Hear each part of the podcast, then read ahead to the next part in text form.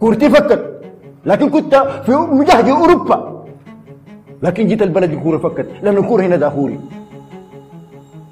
كورة دافوري هنا. أي شيء دافوري. برد برد يا اخو والله برد شديد كده يا مصطفى اقفل الشباك ده يا حالي يلا تاني. تاني آه. واحد ما قاعد يركز ذاته. آه لا ولا انت قاعد في الامارات؟ هناك سخانة. وعنده برد ذاته آه. مصطفى. متصدر بس بذاته. بالمناسبة يعني. أنا ما أسأل ليفربول. هم امبارح كانوا في استاد الاماراتي بس بالسخانه دي كويس. ما بتوب انت يا أحمد. كل مرة تتكلم عن البرد بتيجي واقع الأسبوع اللي بعده. ما بتوب أتوب من شنو؟ أنا قاعد أجغم. قاعد أجغم. شابكينا ده المصدرين. عاينوا عملنا شنو لتشيلسي كان بيخوفوني بتشيلسي عاينوا عملنا شنو لتشيلسي الدور جاي عليكم. واحد من أصدقاء البرنامج. أنا ما داير ابشتري يعني. أكيد. بشتي يا أخي. أنت عارف ابشتري أي بشتي. آه، ليه ما منو؟ ماهر السر. جا شبكنا لكم. أنا جايكم هنا قبل ما نبيل ارسنال متوقع نتيجة ثقيلة وأحمد يتملص من الحلقة زي ما عمل حسن. أحمد ما بيتملص يا ماهر. أحمد بيملص. دقيقة دقيقة. أمسك أمسك أمسك. يملص النقاط من الخصوم. أحمد. حسن ما هرب يا أخي. أنا ما هربت يا جماعة. أنا قررت أسافر. عندي إجازة. أنا سافرت بجاي شاف اليوم الثاني عمل العملة بتاعته. فأنا ما عندي المشكلة حسن مطلوب من ناس برشلونة ومن الناس اللي ما بيشجعوا برشلونة الناس زي ما لهم علاقة بالدوري الإسباني زي خشي في. الموضوع. ناس برشلونة معايا. قلبوا عليه 200 لا لا انت تبريت منهم يا ما خلت خلتني أنا واحمد نعبث في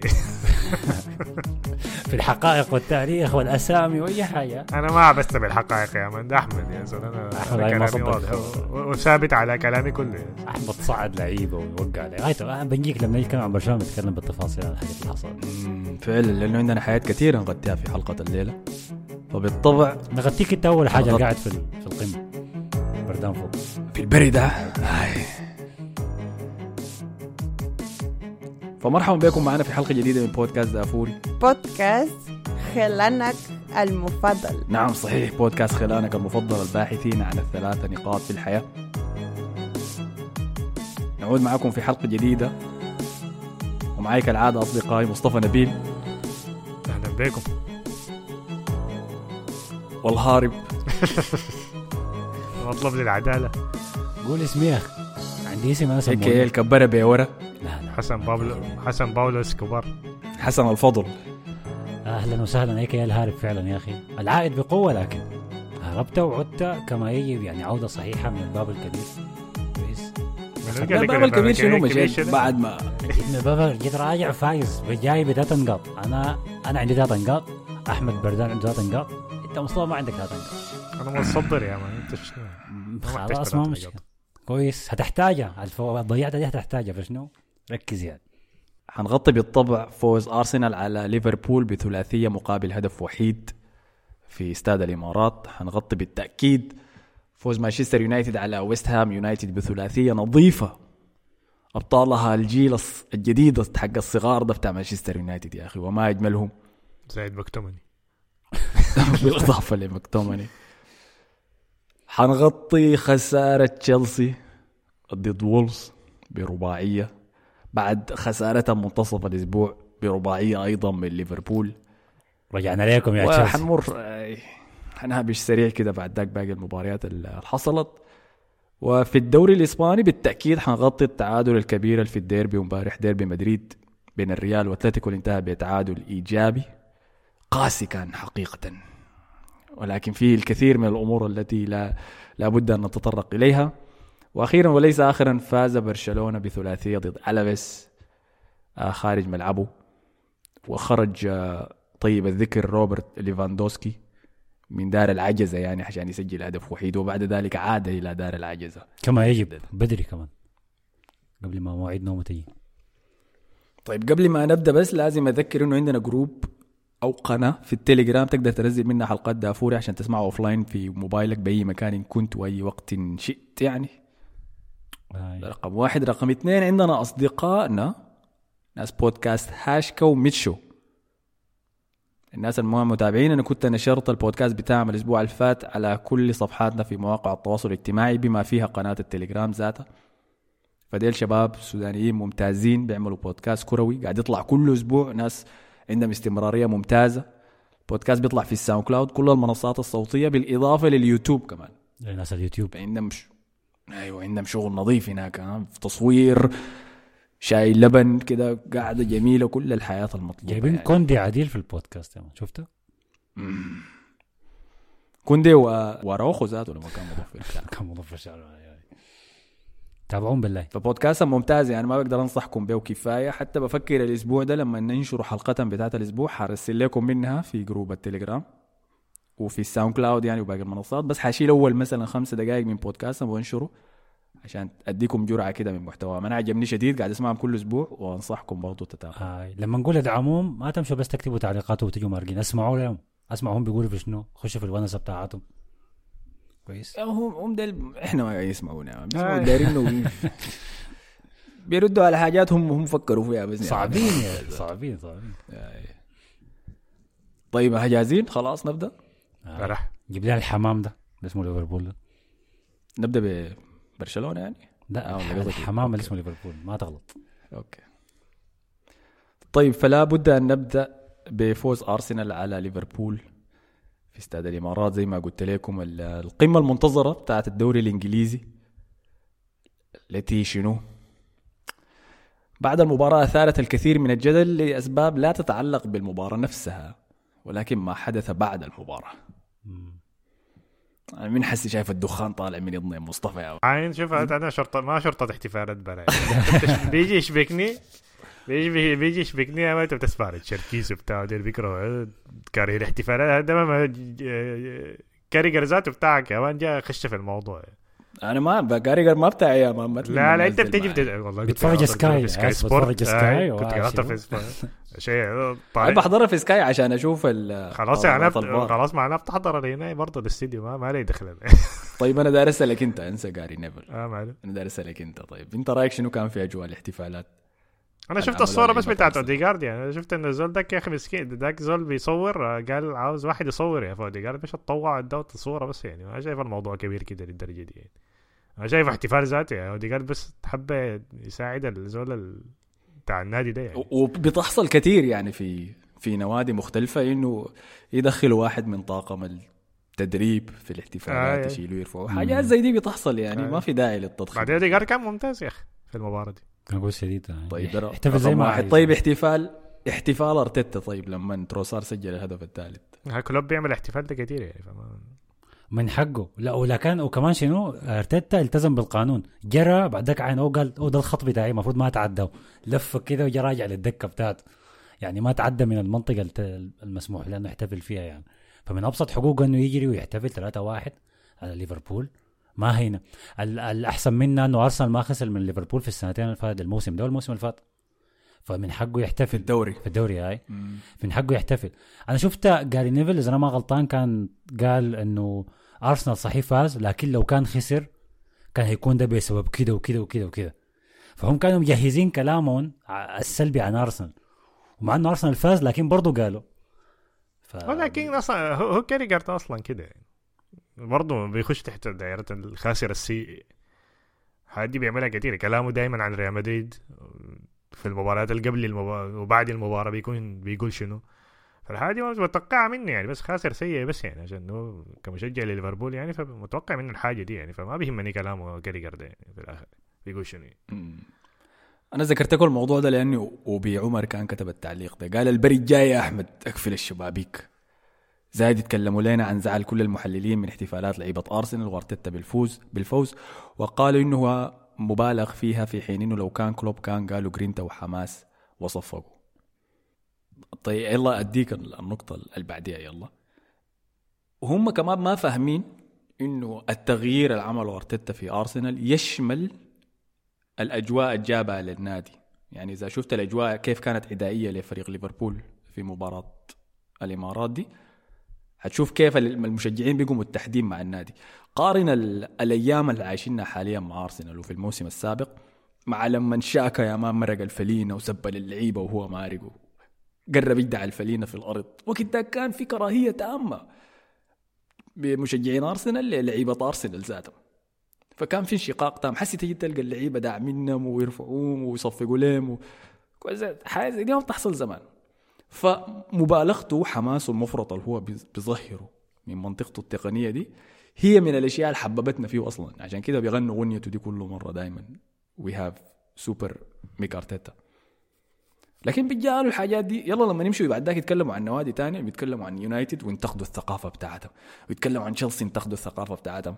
لما يجي يعمل الزول الحاجات اللي بتنمي الثقافة بتاعت النادي يقول لا هوي هوي أنت ما فزت بحاجة لسه ما تسوي حاجة زي دي. شايف نفاق فاظن بس طيب خلينا نخش يلا نبدأ نتكلم عن المباراة لأنه عبد الرحمن قال أرسنال خلى ليفربول في الإمارات زي بيرلي وكريستال بلح. الدوري ده المفروض يسلموا لنا عديل ولا نجغمهم كلهم زي ده نبدأ بالمباراة يلا. بالطبع شهدت كمية ضخمة من الغيابات من الطرفين. يعني أرسنال خش المباراة بدون جابرييل جيزوس توماس بارتي اللي كان عاد للاصابه من الإصابة يعني وشارك في التدريبات قبل المباراة بأسبوع أصيب قبل المباراة مباشرة. كالعادة. كالعادة. آه، بالنسبة لليفربول طبعا كان غياب كونر. الظهير اللي قدم مباراة ممتازة خرافية كان ضد تشيلسي. سجل وصنع. وكان رجل المباراه بلا منازع. ولسه صغير يمكن عمره أقل من 20 سنة. فسبب غيابه طلع إنه أبوه كان يتوفى قبل يومين من المباراة. فما شارك في القائمة بتاعت الفريق. وده خبر محزن يعني حقيقة. أنا كنت داير آه، كنت داير أقيسه يعني. أنا عارف مارتينيلي ضد ترينت دي مواجهة حفظناها عديل عديل كده. فكنت داير أشوف مارتينيلي ضده لكن للأسف ما, ما استحلينا بالفرصة دي. محمد صلاح بالتأكيد لا زال مصاب من طرف ليفربول. وسوبوزلاي طلع خبر برضه قبل المباراة إنه عنده حاجة يعني ما, ما كان في دي جلسة تصوير ده آه جلسة بيكون في عرض أزياء في مكان ما في ليفربول. آه بالنسبة تاني لأرسنال كان في منه بس جابرييل جيزوس يعني من الأساسيين الغير موجودين. باقي الإصابات آه، تيمبر وديل فابيو فييرا أنتوا عارفينهم تومياسو- ولكن مع ذلك كان مع أداء المنتخب لسه. صح؟ أيوة. مع ذلك كان أداء ممتاز جدا من أرسنال في المباراة دي. يعني أنا كان بعد خسارة أرسنال في مباراة كأس الاتحاد ضد ليفربول جيت وقلت إنه دي كان مباراة ممتازة من أرسنال. عمل كل شيء مطلوب ما بقدر ألومهم في أي شيء. بس الحاجة الوحيدة اللي نقصتهم هي إنهاء الفرص. فلما جات المباراة دي وساكا ضيع أول فرصة ديك الراسيه كان المفروض يدخلها. أنا قلت أنتوا دايرين تكرروا نفس الفيلم تاني. جريه ممتازة من مارتينيلي بالمناسبة. انطلاقه ممتاز شديد في الجهة الشمال. رفعها وزنها له دعم له كل شيء. كان أحسن واحد في الهجوم. مارتينيلي صح؟ خلى خلى المداعب وبدأ يلعب جد يعني. هو مارتينيلي اليوم ده كان شفت إحصائية للفرق اللي سجل فيها وطلع إنه ليفربول أكثر فريق سجل فيه مارتينيلي في مسيرته كلها. قريب السبع أهداف ولا ثمانية أهداف حاجة زي وهو فعلا كل ما يلعب ضد ليفربول بي بي بينزل كل الموجودين ده اللي عجبني في الهجمة ضيع ساكا دي كان ال pass جاء أصلا من وين؟ متذكر؟ من من وايت؟ الحارس آه راية. راية بيده. من آه، راي آه. اي بيده أي. فعجبني يعني لاحظت كمان في في المباراة اللي قبل دي مباراة كريستال بالاس ديك برضو كان استخدموا السلاح ده الرمية السريعة بتاعت راية فبقيت أنا متحمس حسي كل ما أحضر مباراة لأرسنال راية ماسكة الكورة جاري أنا بس خلاص مرق! بكون منتظر التمريرة دي. فجا الرد السريع بعد ذاك في الفرصة الثانية اللي وقعت لساكا بعد تسديدة كاي هافرتس مم. سجل منها ساكا بعد ذاك هدف الافتتاح. الجانب الإيجابي في الهدف ال- ال- ال build up كان مجنون صراحة. البلد كان ممتاز شديد لكن بوظها هافرتس ال pass بال- بتاع آه، ال pass بتاع اوديجارد كان مجنون. الشيء ما حالوم أنا ما حالوم هافرتس كثير على أنا حلو اضاعة الفرصة. أنا حلو أنت ما أنت حخلي... حخليك تلوم تلومه. لأنه لو شفت ال build up بتاعها آه، جابرييل كان لعب ال pass لزينشينكو. لزينشينكو بعدها لعب ال pass لاوديجارد صح؟ عشان يمرق هافرتس فلما عدت الجون ده زي حكاية ثلاث مرات عشان أشوف البناء بتاعه قمت لاحظت إنه لاحظت إنه هافرتس كان نزل من مركز المهاجم خش مع الثلاثة في الوسط لعب ال pass الإضافي فهو رجع الكرة لجابرييل اللي لعبها لزينشينكو. آه. كما يجي بشغله يا أخي دي وظيفته. ما الشيء المجنون الشيء المجنون لكن إنه هو نزل ساعد في البناء. لعب ال pass لجابرييل فكاها لي زينشينكو زينشينكو لعبها لاوديجارد اوديجارد عين قدام لقى منو؟ هافرتس هو في الوقت ده كان قطع من صندوقنا لصندوق ليفربول. فتحركات ممتازة. لا لا يا زول لا لا. تكتيكيا أنا أنا مبسوط جدا جدا. لا. لا ما هو مهمته يا ما أحمد مهمته إنه أيوه يساعد في الصناعة يبقى محطة يستلم ويهجم ويكمل الهجمة. يعني دي كلها آه، جزء لا. منها. فهو عمل الجزء الأول الصح الأول اللي هو الصعب والسهل ما عمله فأنت أيوه تمدحه على الحاجة اللي عملها والحاجة ما عملها تنتقده عليها. يعني تكون معه عادل يعني. أنا شفت ما- بنزيما بالطبع 10 سنوات بيعمل الحركة دي يعني عشان بيضيع. قدام الجول يعني هو مبار... يدخل الجول هو مباراته كويسة هافرتز يعني إحنا ما بنقول مباراته كعبة بس في اللقطة دي لازم تكون صريح تقول في اللقطة دي أي المفروض ما يضيع. يعني أليسون ذاته ما استعمل عبقريته في صد الكورة شديد عشان يطلع الكورة بتاعت هافرتز ما تعب ذاته يعني. كانت سهلة. أي كلامك صح. هو المهاجم فهو المفروض يسجل الهجمة دي يعني. لكن أنا بقول لك الشيء اللي قدمه كويس فيها ده كان كان ملحوظ يعني. باقي الناس ما حتشوف الحاجة دي باقي الناس حتشوف بس التسديدة اللي شاتها في اليسون وهي تسديدة سيئة. يعني هو أشول شاتها باليمين وتحت في الأرض وبتاع. بس خدمنا الحظ يعني وقعت لساكا قال خليني أنا أجي أنظف. ساكا بالنسبة لي قدم مباراة عادية. أنا شايف قدم مباراة آه، عادية جدا. عادية. لكن فعل ما يفعله دائما بس فهمتني؟ يا داير لي أرقام أمسك واحد اثنين. آه. وكبر الأداءات اللي بيغش بها الناس يعني الناس اللي ما حضروا الكورة برضه جزء منها جوميز بالمناسبة يعني. جوميز ما كان أحسن جوم يعني ما نفس جوميز بتاع كرة الذهاب ديك اللي خدت ساكا في جيبه. لكن برضه تعب ساكا شويتين يعني ما ريحه. كان في التحامات بدنية كتير مع ساكا. فبعد ذاك قلت لك هيمنة تامة من أرسنال. ما شفت ليفربول عمل إيش يعني. ليفربول ال 90 دقيقة كان عنده تسديدة واحدة بس على الهدف. لحد جات شنو اللحظة؟ أنا خايف منها وطلعت لسه موجودة. اللحظة دي إحنا مهما حاولنا نقتلها يا مان شفت؟ زي حسن. ورطيه راجع.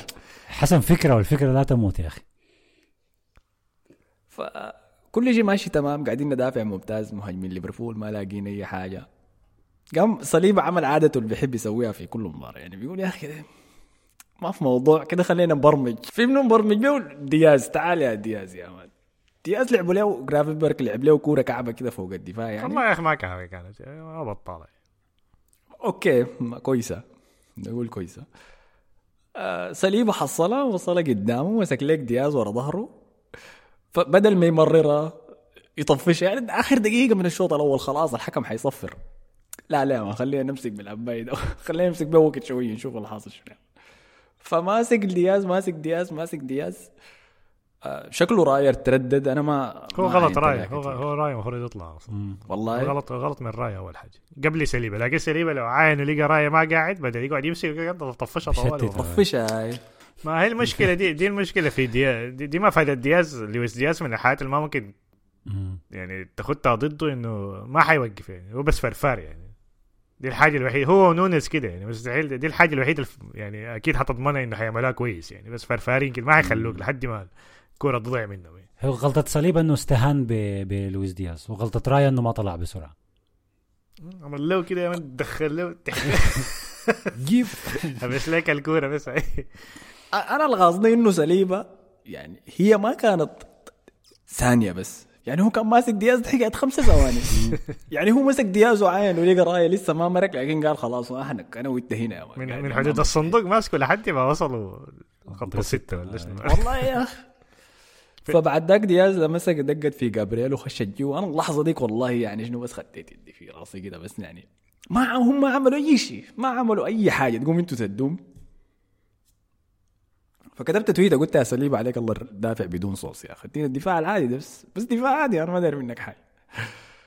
آه بعد ذاك بدأ الشوط الثاني ليفربول يتفوق حكاية 10 دقائق كده. ادوا الروح كده شوية يا man حاولوا لكن ما ما حصل شيء. لحد بعد ذاك جاء الخطأ الكارثي اللي حصل بين آه، فان دايك وأليسون. اللي شكله فان دايك أصلا متحسس من الموضوع بيقولوا سليب هو المدافع الجاي يعني. قام قال أنت بتغلط؟ أنا ذاتي بغلط يا man فقام بعد ذاك دخل الجون بتاع مارتينيلي. يلا حسي ده داير أسألكم منو الخطأ؟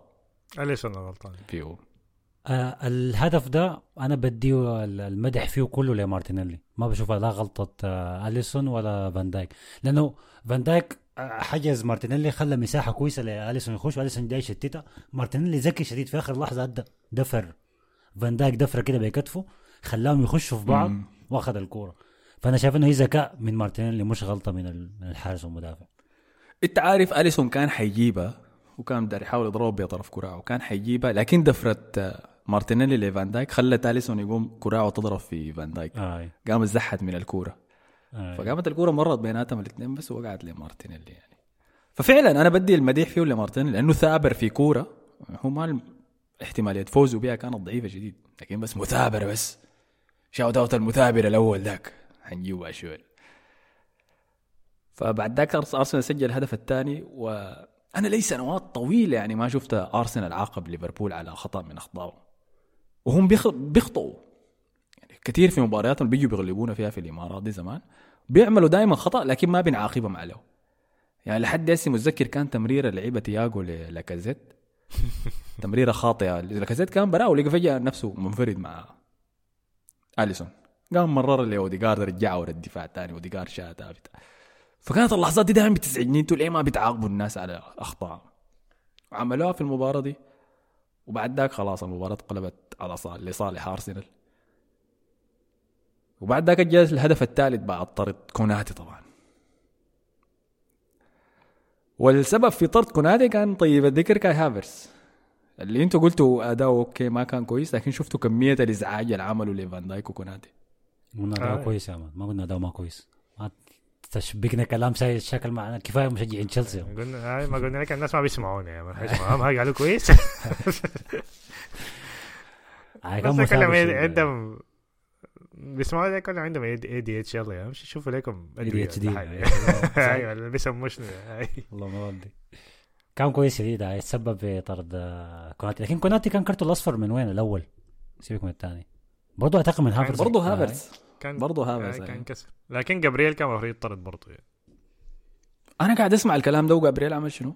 كسر نونيز في نص الملعب نونيز مش تسبب الحكم مش ادى نونيز انذار آه ودك- تذكرت قلبوا لك كده يا عمل له الحركه دي بتاعت يمسكوا قبل ما الكورة تيجي بعدين ما يفكوا حركات سليمة في هالاند ديك كورك برضه فيه بقى. في, فأي- في هجمة كده ضيعها نونيز جابرييل كورك في نونيز لما نونيز اتخلع كده مره كورك جاي يسلم عليه آه لما حضنوا كده آه، حضنوا يعني. بعض يعني ح- حضن الكره ذاك يعني. آه، هو نونيز شا... ضيعها برا وشاتها برا وجابرييل كورك كأنه هو نظف الكورة يعني وداها الركبيه كورك ما لاقى قال أنا مغلط الليلة زي صليبة بس أنا عشان كده مبسوط يعني. أنتم ملاحظين أرسنال بقى قدر كيف؟ آه. الارهاب يعني. والله هو جابرييل بس جابرييل ده من السنة اللي فاتت كده هو. ما شفت بن وايت كان بيعمل شنو في لويس دياز الشوط الأول؟ ما هذا زي زي ما يستاهل. آه، تاني عندك أيوه بعد طرد كوناتي قام آه، خلاص يعني. ليفربول كده دكتهم مستهلكت تماما. كان أصلا كلوب عمل ثلاثة تبديلات. دخل هارفي إليوت. دخل تاني من روبنسون. آي روبنسون. ودخل نونيز. كان مكان جاكبو. آه، جاكبو دخل. ما عمل أي شيء يعني. آه، أصلا ما بيعمل حاجة أصلا. ما حاجة جديدة يعني. دخل تياجو عشان يلعب الشهرين اللي قبل ما تجي إصابة ثانية ينتهي موسم. ده كان مصدي مصدي شفته. بيتحرك أنا بشوف غبار طالع من يعني. أول ما يبدأ يلعب كويس كده حتجي إصابة بعدين ما حنشوفه ثاني بعد الشر يا أخي والله. حرام يعني تعرف قلو أكثر من سنة ما لعب يمكن حكايه 12 لما 13 طلع له. الشيب يا قلت عباي. بيعمل في شنو؟ فتبديل أرتيتا قام بعد ذاك جا يلا دي نقطة ثانية دار اطري فيها على أرتيتا إنه بدل ساكا وبدل مارتينيلي. طيب تبديل مارتينيلي رفع الحواجب يعني لأنه كان لسه فيه كثير يعني مارتينيلي ما كان تعب قام بدله بدري وهو كان سلاحنا على المرتدات. لكن بدلوا ساكا لما وقع في الأرض ما قال له واصل هوي أنا ما داير اسمع كلامه بتاع بدلوا دخل ريز نيلسون. أنا والله ما عرفته عديل كده أنا أرتيتا في المباراة دي. فأتمنى يا رب تكون هي دي بداية بوادر الثقة في الدكة. في مباراة ثانية الأسبوع ده؟ لا لا إلا ال- ال- آخر الأسبوع يعني. okay. ال weekend الجاي. فتروسار جا داخل ومن ما دخل أول 50 50 تحت تحدي 50 50 كده دخل فيه. لقيته ليك صاحي يا man قلت يا سلام. عاينت في ال close up بتاعت الكاميرا لقيت ما في جيوب تحت عيوني. نايم كمان. وجيت وشفته بعد ذاك عمل شنو في الهدف الثالث؟ بين ساقين أليسون. آه أليسون كعب شديد المباراة دي. آه، هي ضربت في في فان دايك لكن برضه بلوم أليسون فعلا إنه كان عنده وقت الكفاية إنه يحرك يده ويمرق الكورة. يعني ما كان لأنه حيشوتها وين آه، حيشوتها آه. وين؟ ما حيشوتها في بين رجلينك حيشوتها آه وهو كان قافل المساحة لكن حركة يدينه كانت بطيئة شديد. هو أليسون لما تكون عنده كورة كعبة بتكون الكورة كلها كعب. يعني ما غلطة واحدة وبيصحصح بيبدأ يجوطها كده. مم. صح هاي. فينش ممتاز مصاص دي ما سجل الثالث عشان تنتهي المباراة وينفجر الاستاد. يلا يا خلاص. وبدت كل ال- المشاكل دي بتاعت ما تحتفلوا ليه يحتفلوا طبعا أرسنال كان لازم يفوز بالمباراة دي عشان يبقى في سباق الدوري. لا ما لا مجال على ذلك. يعني تعادل كان خلاص معناه نحن برا. تعادل لليفربول مفيد جدا عشان يستمر في الصدارة لكن كده القالص قل الفارق. قلص ال- الفارق يتقلص. شكرا مصطفى. لنقطتين والمستفيد الكبير طبعا من التعادل ده هو مانشستر سيتي يعني لا ما, ما حاجة ندي الساعة لسه ما لعب إحنا بنسجل قبل ما كورتهم تبدأ بالمناسبه قالوا هالاند آه. حيبدأ أساسي. ودي بروينا مع بعض أخيرا بعد سنة. شفنا الحاجة دي. أنا هسألك في طول سؤال. أنت كنت بتقول إنه لازم تكسر عقدة ليفربول أو عقدة الانفيلد لو أنت عايز تجيب دوري ما جبته من سنين. فأنت مثلا ما غلبتوا ليفربول. أنتوا تعادلتوا صح مرة الذهاب. طيب تعادلتوا في الذهاب وفزتوا في الإياب. دي ما كفاية ليكسر العقده بطريقة مختلفة يعني. حصلت السنة اللي فاتت. أربع نقاط. لا طريقة الفوز ذاتها يعني الفوز ذاتها واحد وهم بنفسوا على الدوري. السنة اللي فاتت ما أعتقد كانت مشابهة يعني. امبارح كر... السنة اللي فاتت كرفسوهم أكثر كمان. ما بس. يعني هو هو قاعد يتكلم عن العلامات بس السنة قلت اللي فاتت- كل سنة فاز فيها أرسنال في الدوري بيغلب ليفربول في أنفيلد. الفوز ده ما بيحسم أي حاجة. الفوز في أنفيلد كان حيحسم حيقول لي أرسنال حيفوز بالدوري لكن الفوز ده ما بيحسم أي حاجة بس بيأجل المحتوم إلى مباراة الاتحاد. أرسنال غلب مانشستر سيتي في الإمارات يلا هسي لازم نمشي ونتعادل هناك أقل شيء يعني على أمل إنه ليفربول يغلبهم في أنفيلد. حسي لأنه السباق فيه ثلاثة ففي ثلاثة مباريات مهمة. اولهم كانت دي أرسنال ضد ليفربول في الإمارات ثاني واحدة أرسنال ضد السيتي في الاتحاد ثالث واحدة السيتي ضد ليفربول في أنفيلد. لو مشينا على ما حدث في الماضي يعني ال- الإحصائيات حتقول السيتي حيخسر ضد ليفربول في أنفيلد أرسنال حيخسر ضد السيتي في الاتحاد. فده بيخط الأفضلية لليفربول لا زال يعني ذلك. طيب أديكم شوية تعليقات عشان نقدر نمشي المباراة بعديها. ساجي قال احترام كبير لرايس لو ما الزول ده أرسنال مستحيل يفوز. الزول ده كان قائد في نص الميدان كلوب خاف من أرسنال أكثر من اللازم. لو لعب بنفس الطريقة اللي كانت قدام تشيلسي كانت حتكون المباراة أمتع. ما بيقدر ما بيقدر يلعب ضدنا زي ما عمل تشيلسي. تشيلسي ما بيقدر. واحمد الرشيد قال التكتيك العالي اللي عمله ارتيتا يستحق الإشادة. استخدم هافرس وجورجينيو أمثل استخدام في الضغط وجر المدافعين وخلق المساحات. كلوب لم يستطع إيجاد الحلول تماما. tactical masterclass والشيخ الجد قال كوناتي يمسك هافرس ويحتسب فاول وكرت أصفر لكوناتي. انطرد بعدها بكرت آخر. جابرييل عنده كرت أصفر يمسك نونز بنفس الطريقة ويحتسب الفاول له وكرت على نونز استفهام كبير. قذر يا أرسنال ها؟ قذرين بيقولون تحكيم وكروت مسروقة وكذا.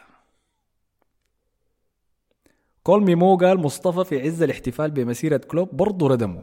شرطة الاحتفالات كما يجب. أنا ما متذكر قلت شنو ذاته عشان الناس زعلانة كده. في شنو؟ يعني؟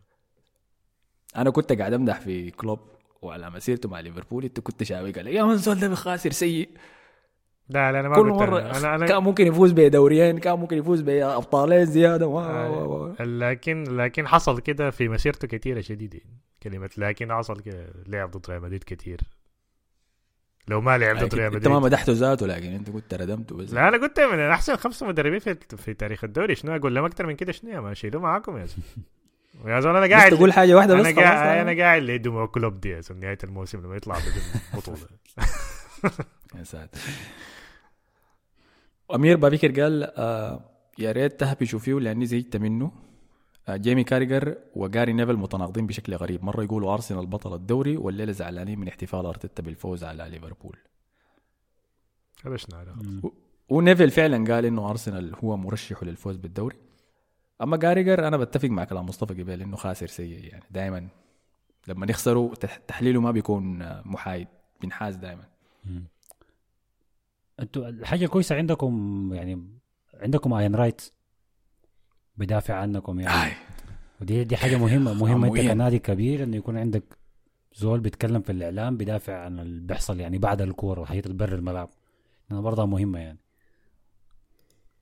آي. فده كل الموجود يعني في مباراة آه، أرسنال خلينا نمشي ل نفضل في لندن ونمشي للجانب الأزرق من لندن مع تشيلسي بعد خسارته برباعية ضد وولز يا أخي. بمعقل داري حصل شنو في المباراة دي يا مصطفى؟ يا أخي؟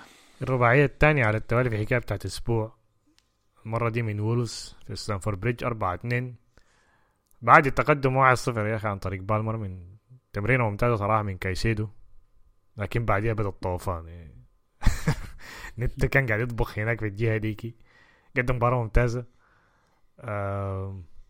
وصل المصايب يا أخي. حتى الجمهور تشيلسي بدأ توقع في ال في ال في الاستاد ذاته كان قاعد يهتفوا بصوت جوزي مورينيو.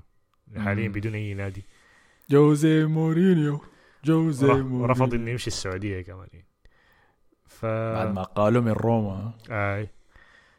ف هاي مصايب كبيرة شديد يعني. أنا لسه شايف إنه بوتشيتينو المفروض ما يقعد يقعد على الأقل لحد نهائي الكاس. لأنه وصلهم للكاس. شايفه يقعد لحد الكاس؟ أي. يكمل الموسم كامل أنا شايف يعني أنا شايف إنه في تغيير حيعمل أي فايدة يعني في باقي الموسم ده يعني. وما شايف أصلا مورينيو بينفع مع التشكيلة الحالية دي. آه. لا لأنه ده سخف إذا جاء مورينيو. نرجع تاني نعيد نفس ال- الدائره دي. لأنه الموسم اللي فات جاب لامبارد بعد ما طرد بوتر. رجع ورا خطوة ورا. فالسنة دي قاعد يكرر نفس السيناريو إذا عمل كده يعني. مم. تود بولي. لا أنا مورينيو بس بت بت بتحجج دائما بإنه ما عنده fund زي كفاية كفاية فهنا عنده عنده القروش كلها يعني ما عنده قروش يعني. آه لكن التشكيلة دي ما بتنفع مع مورينيو أصلا يعني هيلعب بشنو يعني هيلعب لك جاليجر مهاجم وجنبه نيكولاس جاكسون ولا شنو هو الوحيد اللي حيجيبه في التشكيلة دي قرطه مم. يحب الر... يحب الرجال مورينيو. ممكن يجيب لعيبة من روما معاه يمرق كم واحد من هناك اللعيبة ما خانوا. آه. ما خانوا. واقفين في صفه لسه. لا لا أنا عارف يعني الموضوع بقى كعب شديد فيما يتعلق بتشيلسي يعني. لاحظته بعد خسارتهم ضد وولفز دي خشيت ال timeline ولقيت الطبخ يعني طبخ. سلك كان ما طبخ ذاته ما كان في نار بس غلي بس بتاع موية كده يعني. كانوا الناس اتقبلت خسائر تشيلسي المتكررة دي يعني. خسارتهم دي جاية بعد خسارة ليفربول اللي احرجوا فيها نعم لكن لأنه ليفربول مصدر الدوري طبعا أقوى فريق في البلد حاليا كان متفهم كان. ما أقول مقبولة لكن متفهم إنه هي فرق الجودة كلوب له خمسة سنة مش خمسة تسعة سنوات مع ليفربول بوشيتينو أول موسم له هي متفهمة يا أحمد لكن هي كانت أربعة أربعة من غير هجمات نونيز المهدره لو هجمات نونيز دي. جات كانت شنو؟ هتبقى ستة سبعة مثلا. كان ممكن يتقال في نص الأسبوع عادي زول ما كان هي الحق الكورة بتاعت وولفز. هاي عشان كده مباراة وولفز دي هي القاسية لأن جاري أونيل برضه استلم تدريب. وولفز بداية الموسم ده قضى نفس كمية الوقت اللي قضاه مع بوشيتينو. بينما جاري أونيل متفوق مع وولفز على التوقعات المحطوطة له. يعني حسي وولفز نفس ال- الم- المراتب بيناتهم الثلاثة يونايتد وولفز وتشيلسي قاعدين يتبادلوا بيناتهم يعني. العشرة. هاي عش في الصفحة الأولى دي صراع الصفحة الأولى بتاعت الدوري. هسي يونايتد عبر فوق وهذا وولفز جت خطة تشيلسي ذاته. تشيلسي نزل المركز ال 11 هسي بعد الخسارة دي. أنا شايف بعد كده لازم يصبروا عليه يعني يشوفوا لحد نهايته يعني. يعني أرتيتا كان- كان قرب يق- يقال في الموسم الثاني بتاعه يعني. فبس يصبروا عليه لحد ما يجيب له كم لاعب من اللاعبين اللي هو عاوزهم يعني. هو عاوز مهاجم واضح إنه هو عاوز مهاجم وعاوز مدافع. كل ما يضغطوا في المؤتمر الصحفي بيقول لهم عاوزين مهاجم. آي. فما جابوا لهم مهاجم وطلعوا بروخا كمان. دي هي النقطة اللي أنا كنت أبش عليها في في الموضوع ده لأنه في النافذة دي مرقوا منا ملاعبين إيان ماتسن مرق مشى إعارة لدورتموند وقاعد يطبخ بهناك يعني هسي وبروجل مشى فولم فضعفوا له التشكيلة إضافة لضعفها بالنسبة للإصابات يعني. وهو طالب كان في نهاية شهر 12 بتعاقدات إضافية يزيدوها للفريق فما ادوها له. زيد لده إنه طلع تقرير كانوا عملوه توك سبورت. جابوا محلل مالي في الاستوديو كان بيتكلم عن قضية مانشستر سيتي وال 115 تهمة الموجهة لهم فكان بيتكلم بالتحديد عن موضوع اللعب المالي النظيف. فكان بعد ذاك هبش على تشيلسي وقال إنه بالتأكيد تشيلسي حيواجه مشكلة مع اللعب المالي النظيف الصيف الجاي. قال لا زال في ميزانيتهم حكاية 95 مليون مبيعات لعيبة لازم يجيبوها لازم يدخلوا 95 مليون لناديم. إذا ما عملوها قبل يوم 30 6 السنة دي حيكون عندهم خرق للعب المالي النظيف. وقال خرقهم أسوأ من الخرق بتاع إيفرتون بالمناسبة. لأنه متعمد. يعني إيفرتون عندهم موضوع. في خشخشة جاية من عندك يا حسن. معلش هاي. ولا دي, دي ضحكتك ولا؟ معلش لا أعتبرها خشخشة أحسن يا. لأنه إيفرتون عندهم استاد جديد قاعدين يبنوا فيه وانتقلوا له حسي قاعدين يلعبوا فيه يعني. فعندهم عذر يقدر يقدموه على الأقل في الموضوع ده. لكن بالنسبة لتشيلسي ما في شيء. فعشان كده بيفسر ده يعني رغبتهم الملحة كان ببيع جالجر وبيع بروجا تشالوبا كل لعيبة الأكاديمية ديل. فيلا دي بتوريك إنه شنو؟ إقالة بوجيتينو حتخط الإدارة دي في الضغط أصلا هم حي... حيواجهوه قريبا يعني هو جاي في الطريق بس قبل ده.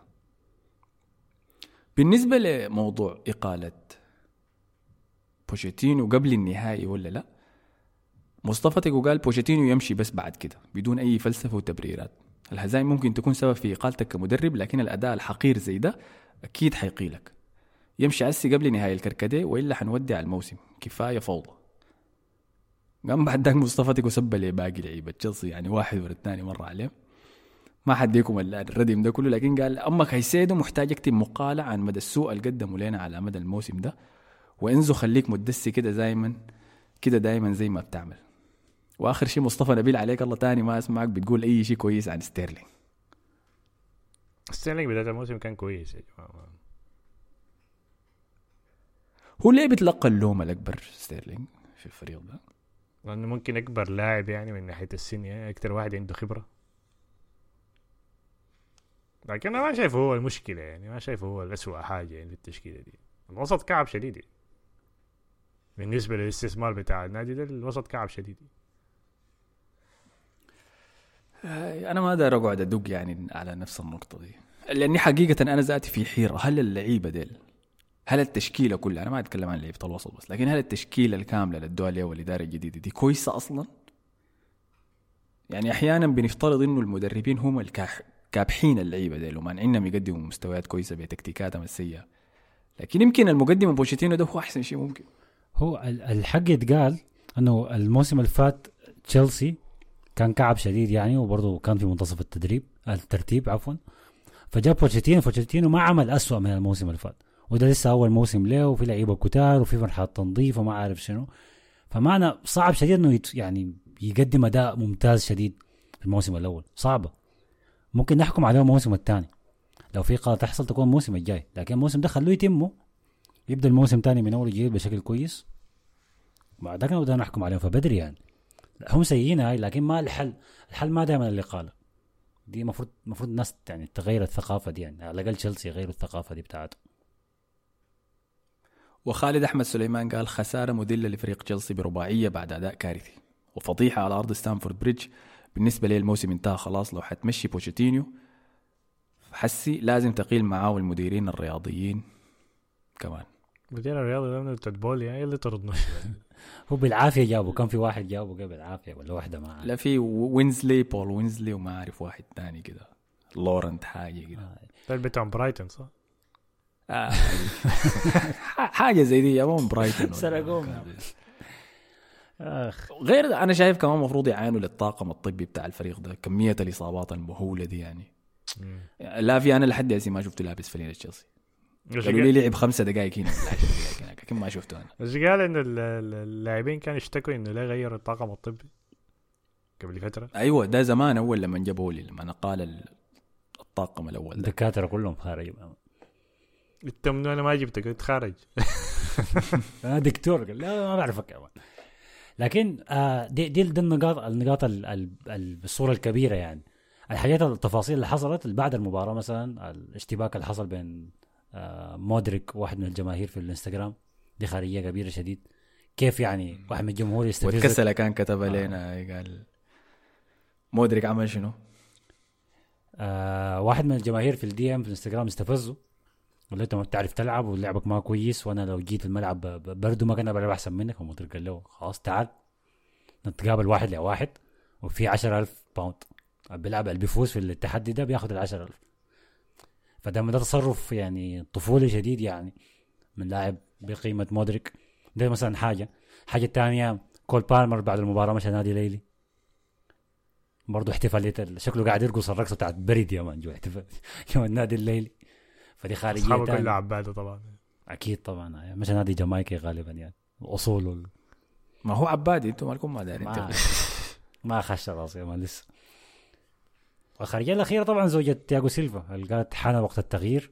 والتغيير الآن أحسن من إنه يكون متأخر وما عارف شنو قلوب زرقاء زرقاء. أو بيلا سيلفا. اي أي تلاحظ طلع بتكتب أكثر شيء فيه تقليل احترام يعني للنادي للمدرب. آه لا بد للتغيير حسي قبل ما يتأخر الوقت وبعد ذاك قلوب زرقاء كده. يعني أنا خلاص لا لا أنا cute ها عادي كده أنا اقولها تغش في منو يعني؟ هي أصلية والله. بيلا, بيلا سيلفا ما في كلام. فيها real one والله. الواحد بيفتش له حاجة زي دي. فعلا والله يا أخي. فبس اي والله ال ال ال الوضع بقى سيء. الناس قاعد تطالب بإقالة بوشيتينو أنا ما شايفه حل. أنا مع حسن ومصطفى. مصطفى أنت قلت ما يقيلوا لا، إلا لا. بعد آه. نهاية الكاس كركدي صح؟ على الأقل يعني. آه. وتاني يعني موضوع البدلة في منه يعني؟ حسي بدوا هم- هم ذا- مش شافي ألونزو ما شافي آه، بتاع برشلونة. بس ده صعب أنا أنا متأكد حيكون في منافسة عليه في ال شايف ألونزو ذاته. مجنون إنه يجي يخلي يجي لفريق داهش زي ده ضارب كده هي مهمة صعبة يا أخي آه. ما في زول أنا عشان كده. حنيت على بوشيتينو لما اختاره مصطفى كان قالها ب... وصفها بأحسن شيء لما قال ليه هو بيمشي من علاقة سامه لعلاقة سامه بوشيتينو ده دائما وفعلا هم كان مستني انشيلوتي يتخارج عشان ناس ريال مدريد يضربوا له ما ضربوا له فقال خلاص القاعد شنو يعني. ما اشتغلت لي سنة ولا سنة وحاجة يعني. في نوعية كده من العباد دي بي- بيسكوا الحاجات دي بيحبوا بيحبوا التعب بيحبوا الشقا آه بحب الكعبة بالسب بت- بتلحقهم يعني آه. ممكن برضه لكن توتنهام باريس سان جيرمان وحسي تشيلسي يكون مازوخي يا man بيستمتع بالتعذيب ممكن آه. يحب الحاجات دي. سادي طيب ده كده كله ما يتعلق. بتشيلسي. أنتوا وروني والله أنتوا مشجعين أنتوا ناس ود كسلا ومصطفى تكو. إذا عندكم بدلاء دايرينهم ورونا يعني على الأقل. لكن أنا ما شايف في طريق مخرج يعني. عاوزين جوارديولا. يا مصطفى تيكو بالله مش خش ال انستغرام. كيسيدو ممكن يرد عليك. شكل الموضوع ده فاتح بغادر عملوا deactivate في تويتر. كايسيدو و... وإنزو الاثنين في نفس الوقت. فتحين. مع بعض آه. كده والله بينه تفاهم كده في نص الملعب. التفاهم الوحيد وما اللي اللي في تويتر. على النقطة دي shout out ل كاي هافرتز لأنه الزول ده بيقدم أداء كعب أسبوع ورا الثاني واصلا ما عمل deactivate موجود يا man بعد كل مباراة منزل ما. بيكون يا man الناس عشان اللاعبين اللاعبين بيكتبوا له تحت فبيغرقوا الحاجات السلبية دي تلقى تحت آه. ساكا كاتب له حاجة ظريفة أوديجارد هناك ما شكله ما بيكتب شكله ما عاملين follow لبعض ذاته كلهم معلقين في ال request أنا عندي صاحبي آه، بشجع تشيلسي. قال لي اللعيبه اللي بحس فيهم بيتلاقوا قبل المباراة بس في المواقف بيخشوا مع بعض خلاص. لكن ما ما عارفين بعض بيعملوا شنو ما في علاقة بيناتهم. ال account بتاع تشيلسي لأنه كان في أخبار طالعة آخر يومين ديل إنه أو بعد المباراة إنه في ما يعني غرفة الملابس ما ال vibes بتاعتها ما كويسة واللاعبين ما يعني علاقتهم مع بعض ما كويسة يعني. فبعدها بعد ما طلعت الأخبار دي ال account بتاع النادي بقى ينزل الصور يعني نظام كده شغل بتاع PR يعني. فبينزل لك ما أعرف كايسيدو قاعد يتمرن ولا حاجة زي كده. واحدة من الصور مبسوطين كيف. آه. قاعد يتمرن بورا يا man إنزو قاعد في كورة كده وماسك راسه عامل كده. بالمر هناك عامل مكشر كده ومنزل راسه. اتحسر واشيل آه. الهم. أساسية ال PR ما على فيش. يوم بكرة كيف حيكون؟ ف... فالوضع كعب يعني. لكن shout out ل وولز يا أخي shout out ل ماتيوس كونيا دخل جول من جوا الموسم يا أخي. رجال كاري أونيل. آه، بعد الخسارة يعني بعد ما المباراه ما كان المفروض يخسرها ضد مانشستر خسروها يعني. كده ممكن نقول لمانشستر يونايتد. آه صحيح. في تعليقات تانية على تشيلسي ولا خلاص كفاية كده؟ كفاية هم وغم. والله كلها ردم في اللعيبة شايف هاي كده كفاية. طيب تمام. وولز حسي ترتيبهم كم؟ على العاشر. آه أخذوا العاشر من تشيلسي خلاص. قلايا لحد الموسم لحد الأسبوع الجاي. آه.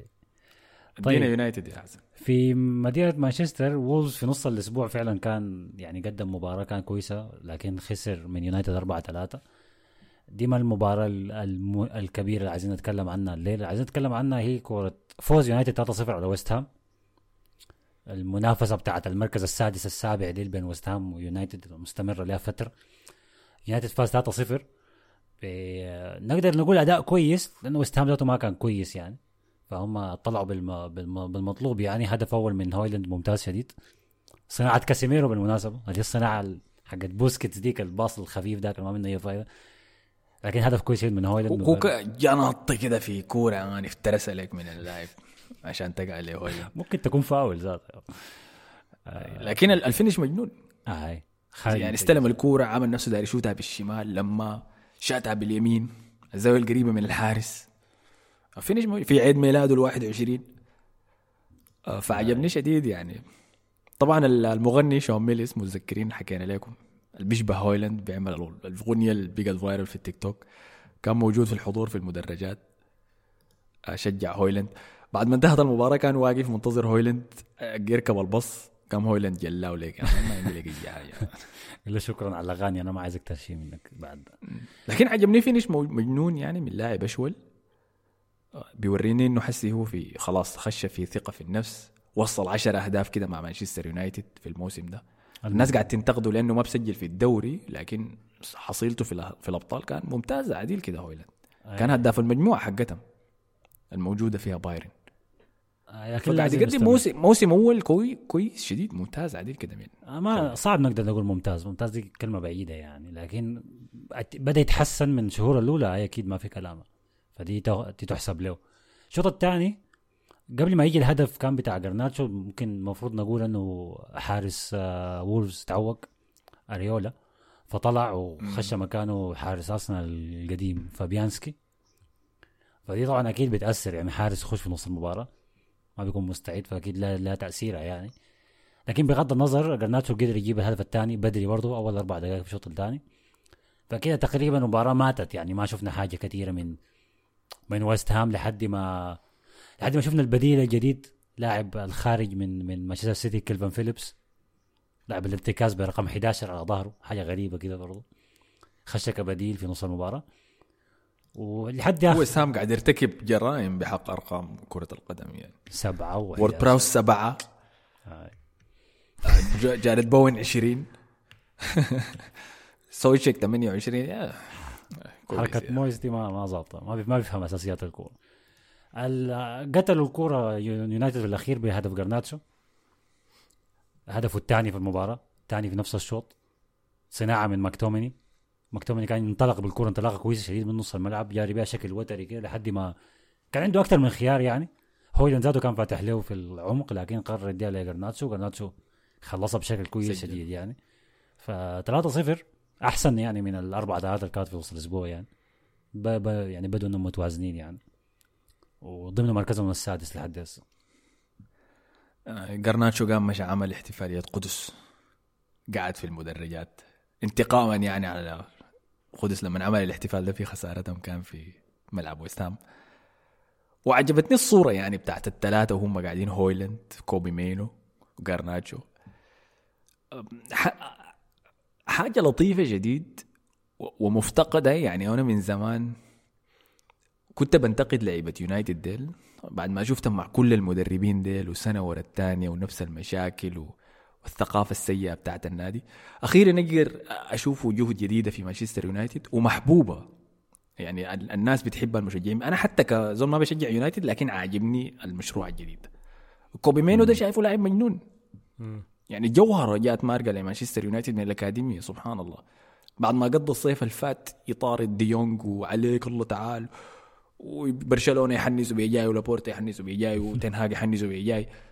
هذا مرق ليه محسن من اكاديميه مجانا بدون اي شيء لاعب أنا شايفه بيقدر يسوي أي شيء بيسويه ديونج okay ما عنده الخبرة أيوة، ما نفس مستوى الجودة ذاك المجنون. والله عنده ده مش- خبره يا مان الزول ده مجنس عمره ما حقيقي. ده بس الجول اللي دخله الاحتفالية ديك ما ده ما احتفال زول عمره 18 سنة. ده, عمره جول في 37 وولز 37 سنة ده.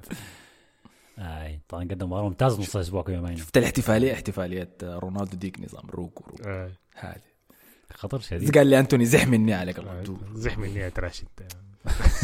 ما عايز آه. عايز اوسخ يدين لا مجنون والله كوبي مينو يعني أنا بحسدها معديل كده مانشستر يونايتد على اللاعب ده.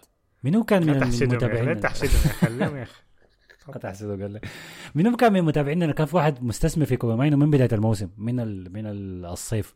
كان في ناس بيقول لك إنه كوبي مينو ده لاعب كويس أدوه فرصته بس وطبعا تنهاج آه. كان ما بيلاعب إلا في الكور الصعبة بس. في آه، مطر وتراب وكده. يبدو إنه كان صلحونا كان قال لنا إنه كان مصاب عشان كده عايد من اصابه أي.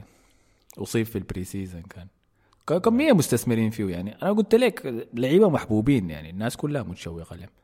مكتومني طلع من الأكاديمية لكن ابدا ما لقى الحب ده يا مان أثناء مسيرته مع مانشستر يونايتد. لكن محتاجين جيل جديد محتاجين تجديد. آه. شيء تاني بس يعني داير أقوله ال- الأداء ما كان 100% لأنه يونايتد بعد ما سجل الجون الأول عن طريق هويلاند يتراجع بعدين. وخلى ويست هام يستحوذ وبقى هو اللي يلعب على المرتدات. وضد فريق ويست هام بحالته الحالية دي مع الإصابات وبدون آه، اسمه منو ذاك البرازيلي؟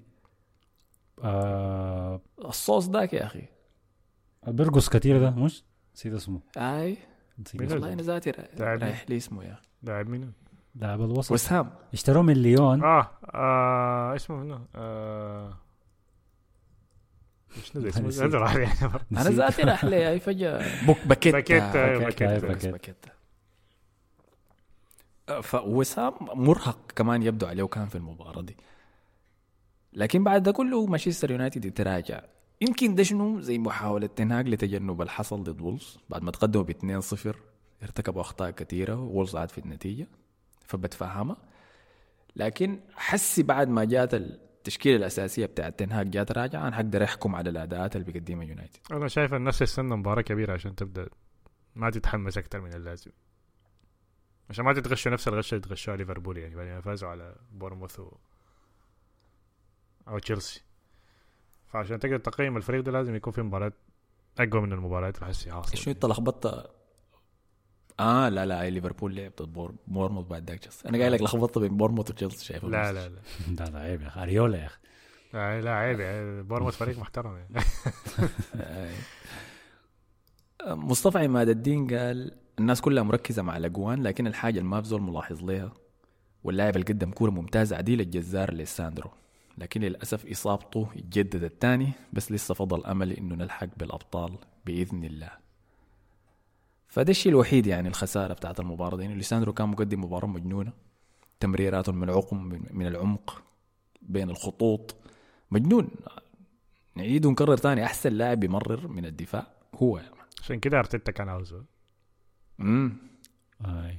فالإصابة دي حقيقة حتضرهم كثير يعني. لأنه تاني بعد ده معناه يعني ماجواير وفاران وإيفنز و... الأفلام دي يعني. ومصطفى مدح آه، هويلاند شديد. وقال مبسوط منه وقال كوبي ماينو ده مشروع سكولز قادم بس. فعلا أنا شايفه ممتاز شديد. آه، قال ربنا يحفظه ويحميه من ال social media وأصدقاء السوء والدكتوراه الفخرية والأعمال الخيرية والأجنحة اليمين وبنات ال ومنتخب إنجلترا. الكلام ده ليك يا راشفورد منطط عينك. من كلوب لكلوب من نادي ليلي لنادي ليلي. بيفضل التدريبات. آه ما فاضي لهم راشفورد عنده حياته حمى آه في حاجة على يونايتد. يونايتد حاليا المركز السادس قدامه توتنهام فرق أربع نقاط وتاني نقطتين فوقهم أستون فيلا. الثلاثة فرق دي ما يعني ما مستقر. يعني بيتبادلوا مراكزهم كتير شديد. ف المر التنافس على المركز الرابع بتاع الأبطال ده هي- هيطول يعني بين الثلاثة. ما ما في فريق مضمون. بس يعني- فيلا فاز أربعة أيوة لكن عشان قرب من ال... عشان نزل خلاص من الثالث. يعني. هسه رجع خلاص إمري خلاص رجع لحالته الطبيعية. كما هي بقى. هو عايز يكون في الرابع وآخر جولتين ينزل الخامس ويخش اليوروبا league. بس آه الضغط المطلوب. زحى مني يعني. حتى يفوز له مباراتين حي تاني حيتضغط حيجي تاني يخسر أربع مباريات وكده يعني. يا جماعة والله ما ممكن ما ممكن يا أخي. هو ما قصر معنا في واتكنز الأسبوع ده غايته. أنا كنت مكابتنه في ال fantasy فطلعت معي ظابطه شديد. آه، طبعا أستون فيلا فاز ب 5-0 ضد شيفيلد يونايتد. زي ما نفس الكلام اللي قالوا لكم العبادل. أنتم متوقعين إنهم يخلصوا وين طيب؟ خامس خامس. كده آه أنا ذاتي مع الخامس. طيب ده كان كل ما يتعلق بمانشستر يونايتد. نختم الدوري الإنجليزي طبعا بإيفرتون وتوتنهام اللي انتهت 2 2 بعد أن تقدم آه، رجال بوستيكوغلو في النتيجة وبدأ إنهم حيمرقوا بثلاثة نقاط من آه، معقل شون دايش. لكن كان عنده كلمة أخرى. عندما سجل التعادل في الدقائق الأخيرة جارد برانثويت مدافع إيفرتون. آه، نتيجة قاسية صراحة يعني خاصة إنه لعبوا كويس شديد في الشوط الأول. قاسي على R9 قدر يسجل لتوتنهام. ريشارلسون قدر يسجل هدفين. آه، مؤمل الصديق قال R9 وميكي الاثنين اللي استحقوا يمرقوا من المباراة ورؤوسهم مرفوعة. قال إنه مبسوط شديد من R9 وما توقع إنه يجي يوم يقدم مستويات زي دي. أكثر برازيلي مسجل أهداف في الدوريات الخمسة الكبرى. والله كويس. ريشارلسون يبدو عادة يعني ال finish بتاع الجون الثاني كان مجنون. كان هو كويس من شديد. المعلومة دي. احتمال يكون جاب المعلومة دي من ساي كده عشان أكثر برازيلي مسجل أهداف. عرفنا ما حنتأكد منها فينيسيوس جاب كم جون في الدوري هو؟ لا فينيسيوس شوية. بس الموسم ده ما مسجل أهداف كثير رودريجو ممكن. 10 ولا 7 حاجة زي كده. مارتينيلي ما أعرفه كم صراحة. والله يا مريبة. أنا متوقع رودريجو يكون سجل أكثر منه. لكن في الدوري بس الكلام ده. راجعوا علينا ورونا في التعليقات. وقال نقطة ضعف فيكاريو الكبرى الركنيات تظهر مجددا بعد مباراة السيتي. كمية التنمر والضرب اللي بيحصل له قبل كل ركنية حاجة غير منطقية. ده التعميد يا مؤمل في الدوري الإنجليزي. لازم شنو؟ حارسك يجغموا كده كويس في كل كورنر آه. كما يجب. أول ما يشوفوك عندك نقطة ضعف كده طوال بيقعد يبلوك. آه. آه لكن فعلا هاي مكلفة. حاليا توتنهام ترتيبه في الدوري الخامس. أيوه. أنا كنت توق... في توقعاتي كنت اديت- أديتهم المركز الرابع أنا يا مؤمل. أي. والله هاي متذكر حاجة زي دي. ولا زلت على على كلامي يعني. أم... أنتوا كنتوا شايفين أستون فيلا حيخلص الخامس؟ دي توقعات الليلة. أنا ما بتذكر بداية الموسم قلت شنو لكن هسه شكلهم ماشيين على الخامس أكثر أنا ما أنا عندي كان ليفربول ويونايتد في ال... في التوب فور أنا المتأكد منه وعلى توقعاتي بتاعت بداية الموسم ذاته. يونايتد حيخلص في ال top four أنا بداية الموسم قلت المركز الثاني لكن الثاني حسي صعبة. حيخلصوا الرابع. معناها توتنهام الخامس واستون فيلا السادس. أي دي منطقية. نيوكاسل كنت شايفه برا من البداية. وشايف حاجة تشيلسي؟ مخيبة شديدة يا man. لو توتنهام ما أخذ الخامس؟ آه لا بال top four لو ما أخذ توتنهام بعد اللي حصل الموسم ده أنا شايفه آه، حاجة مخيبة شديدة. هو هو إصاباتهم بس لعيبتهم ده يرجعوا من اصابات وتاني ما عندهم أساسا أي تركيز في أي بطولات خارجية بيقدروا يخشوا ال top four صراحة. مفروض يعني مستقرين أكثر يعني. مفروضة اي رأيتم مباراة مباراتهم ضد يونايتد دي اللي حتكون الحاسمة في أولد ترافورد. هي لعبوا خلاص. لعبوا في استاد توتنهام. لا ولعبوا في آه اي لعبوها يتعادلوا صح. المباراة. البائسة ديك المباراة آي ديك. حزينة يا اخ والله. لو كانوا غلبوهم كانوا. سهلوا الموضوع ده. طيب هذا كله ما يتعلق بإيفرتون وتوتنهام يعني آه للأسف إيفرتون في المركز ال 18 حسي. عاد إلى مراكز الهبوط مجددا للأسف دي قولها براك يا مان. إحنا ما متأسفين صراحة. ما دار تشوف كورة رجال يا؟ ما داري أنا ما بحب الرجال. أنت بتحب الرجال. دي حاجة رجال. ما أحمد براوي يا مستمعين ما يسمعوك. أيوة، بعد ما ما اكتشفنا الحاجة دي خلاص يعني. فطبعا سبب إيفرتون في المركز ده نسبة لفوز آه، لوتن تاون. آه، الفاز في آخر ست مباريات له خسر مباراة واحدة بس. يعني منتصف الأسبوع غلب برايتون 4-0 برايتون ميونخ سقط أمامه. آه، وجولة الجولة الثانية في الأسبوع ده تعادل 4 4 ضد نيوكاسل. اللي يستمر نيوكاسل في هبوطه. 10 خسارات لحد هسه في الدوري. نفس عدد الخسارات بتاعت إيفرتون. فيوريك يعني كيف ال- العشر نقاط اللي اتخصمت من إيفرتون دي كانت قاسية عليه لكن بيرجعها. أنا عارفه. آه كان داير أقول شنو على موضوع لوتن تاون روس باركلي مقدم موسم مجنون. هو وسامبي لوكونغا في وسط الميدان بتاع لوتن تاون ده. عاملين شغل جبار. بس المفروض يروق شوية يعني. هو اللي كان كلف لوتن تاون. الهدف الرابع في مباراتهم ضد نيوكاسل دي. دي كانت ثلاثة نقاط كبيرة لو غلبوا نيوكاسل. لكن للأسف لم يكن. فده كله ما اللي كنت عليه في الدوري الإنجليزي. مم. خلينا نمشي الدوري الإسباني يلا. أخيرا يا أخي. فنبدأ طبعا بتعادل أتلتيكو مدريد ضد ريال مدريد في سانتياغو برنابيو. نتيجة واحد واحد. هدف من إبراهيم دياز وهدف من ماركوس يورنتي. ادينا يا مصطفى حصل شنو؟ المباراة ال- دي المباراة الثانية في الأسبوع لأنه كان في مباراة في نص الأسبوع كان مباراة مؤجلة. من لبرشلونة ريال مدريد وأتلتيكو كلهم لعبوا آه، لأنه طبعا من أيام السوبر أجلوا لهم الجولة ديكي.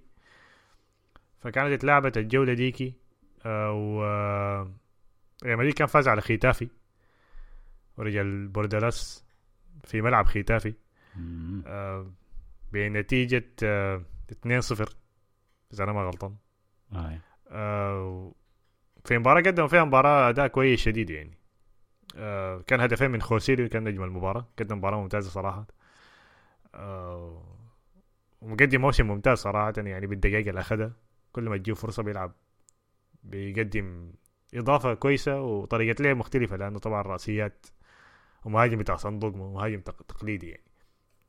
فكان فوز ممتاز في المباراة ديكي. فجات أهم مباراتين. ممكن في الموسم كله في الدوري اللي هي مباراة أتلتيكو الأسبوع ده ومباراة جيرونا في الأسبوع الجاي. آه طبعا ده الديربي الرابع اللي لعب الموسم ده. آه وأنا قلت أصلا نحن جايين المباراة دي إنه أتلتيكو أنا ما شايف فريق كويس. شايف نحن دائما بنلعب ضدهم أحسن منهم بنكون أحسن الطرف الأحسن في المباراة لكن دائما بتكون في غلطات بنديهم أهداف مجانية. وفاجأة برضه تاني حصلت الحاجة دي في المباراة دي يعني بعد ما خلصنا من الموضوع مراتا طلعوه الحمد لله قلنا خلاص الملح ده طلع خارج من المباراة. آخر شوطة في المباراة غلط غبي شديد يعني سلمنا المباراة. يعني. وصراحة كنا يعني كنا ماسكين المباراة كلها يعني كنا يعني مكرفسين المباراة كلها. ما كان في فرص كثيرة لكن من ناحية السرعة بتاعت اللعب من ناحية الفرص من ناحية التحكم في المباراة كنا كنا مقدمين مباراة ممتازة صراحة شديدة. توني كروس مقدم مباراة كانت ممتازة. masterclass كان عديل يعني. وفاجأة كان masterclass حيكون لو كان المباراة انتهت 1-0 كان مندي يعني. عندي كان مقدم masterclass مجنون عديل يعني الزول ده كان بيخش نص الملعب. يعني فيرتي أنا بقيت شاكي إنه هو فعلا ظهير مقلوب الزول ده. يعني الموضوع ما ما صدفة سيء لكن بتجيه لحظات كان بيفصل. كان في في كورة قطعت منه. آه آه في الشوط الثاني بقى. كعب شوية. يعني آه في لقطة يعني نهاية المباراة دي حنجاه بعدين. لكن بداية المباراة طبعا جاء الهدف الأول عن طريق إبراهيم دياز. بعد شغل ممتاز من لوكاس فاسكيز اللي برضه كان خش بديل في المباراة دي. نظرا للغيابات الكثيره يعني. المباراة اللي فاتت كان اتضرب آه، روديجر بعد ما خش عن جريد نوت. طير في السماء لكن ضرب هو ذاته فكان في شك إنه ممكن يشارك في آخر لحظة لكن ما قدر يلحق المباراة.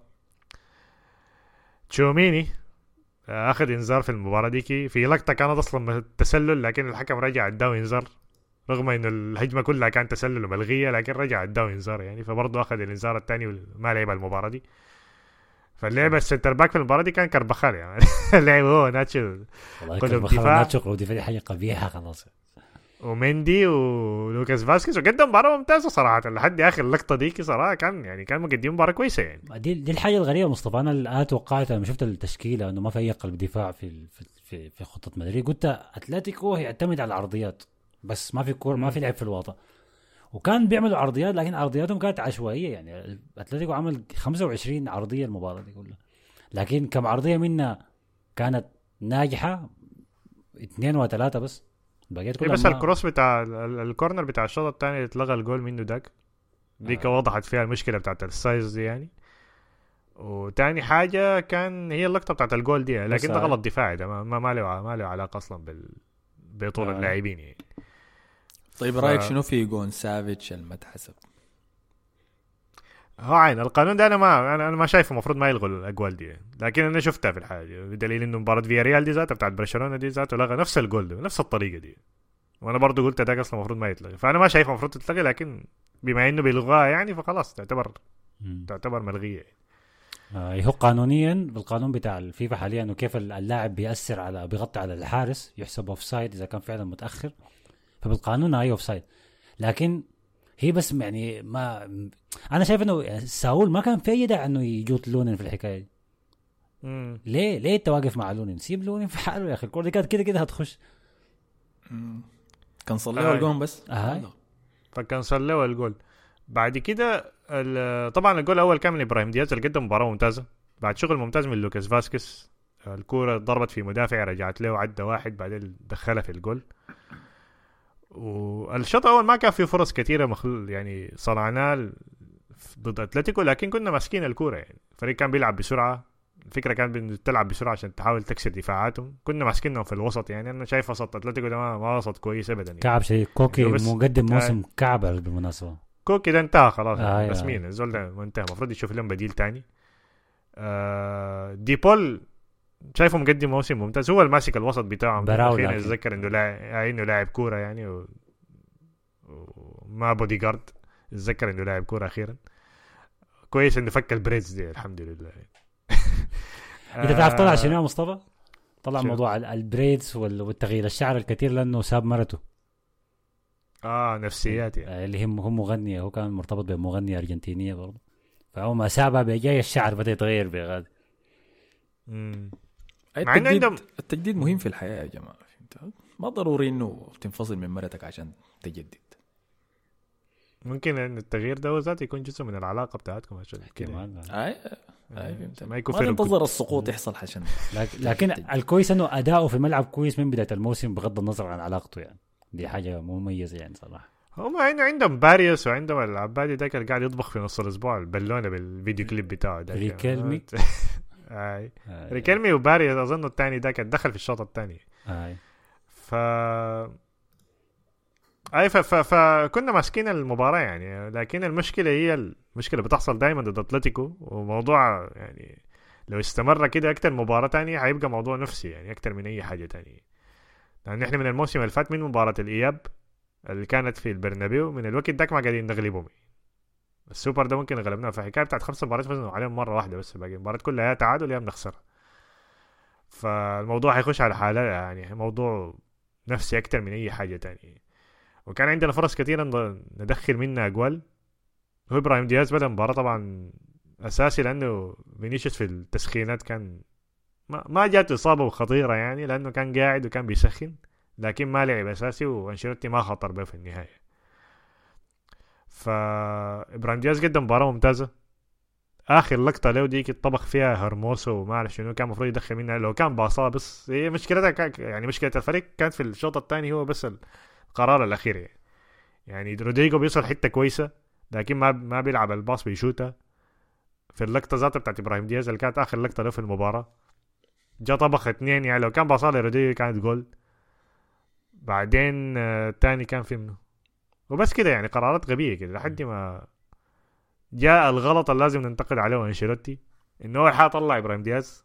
أول واحد من الثلاثة طلعهم. كان إبراهيم دياز. ما كان المفروض يطلع إبراهيم دياز أصلا اول لو طلعوا أصلا كان المفروض يطلع يطلعوا آخر واحد حتى بعد بعد بيلينغهام. انه أكثر كان الصادق social المدريدي. الصادق المدريدي قال كارلو أنشيلوتي يستمر بتقديم الهدايا لأتلتيكو مدريد في الدقيقة 70 بدل أفضل لاعب في ريال مدريد إبراهيم دياز وبعد ذلك سقط الريال.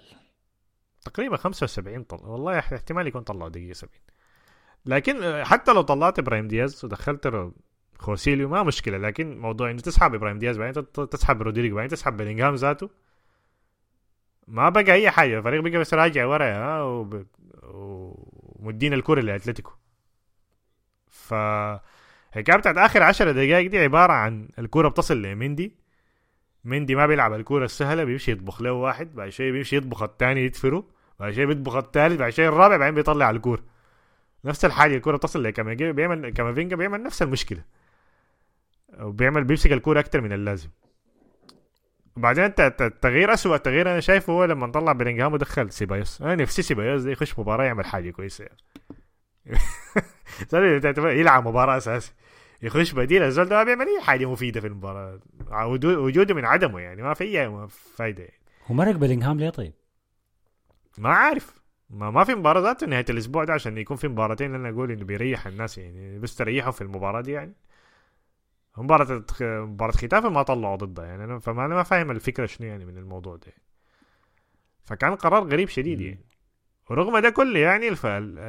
الجول بتاع ماركوس يورنتي اللي جا في اخر دقيقة 92 ولا 93 تاني مرة ناتشو برضه مستويات الكعب اللي قاعد يقدم فيها دي يعني لو كان خش شات براسه يعني كانت الكورة خلاص طلعت وكان المباراة انتهت يعني يعني هجمة ما منها يعني هجمة غريبة ذاتها يعني كورة كورة واحد سالخة في وش ديباي.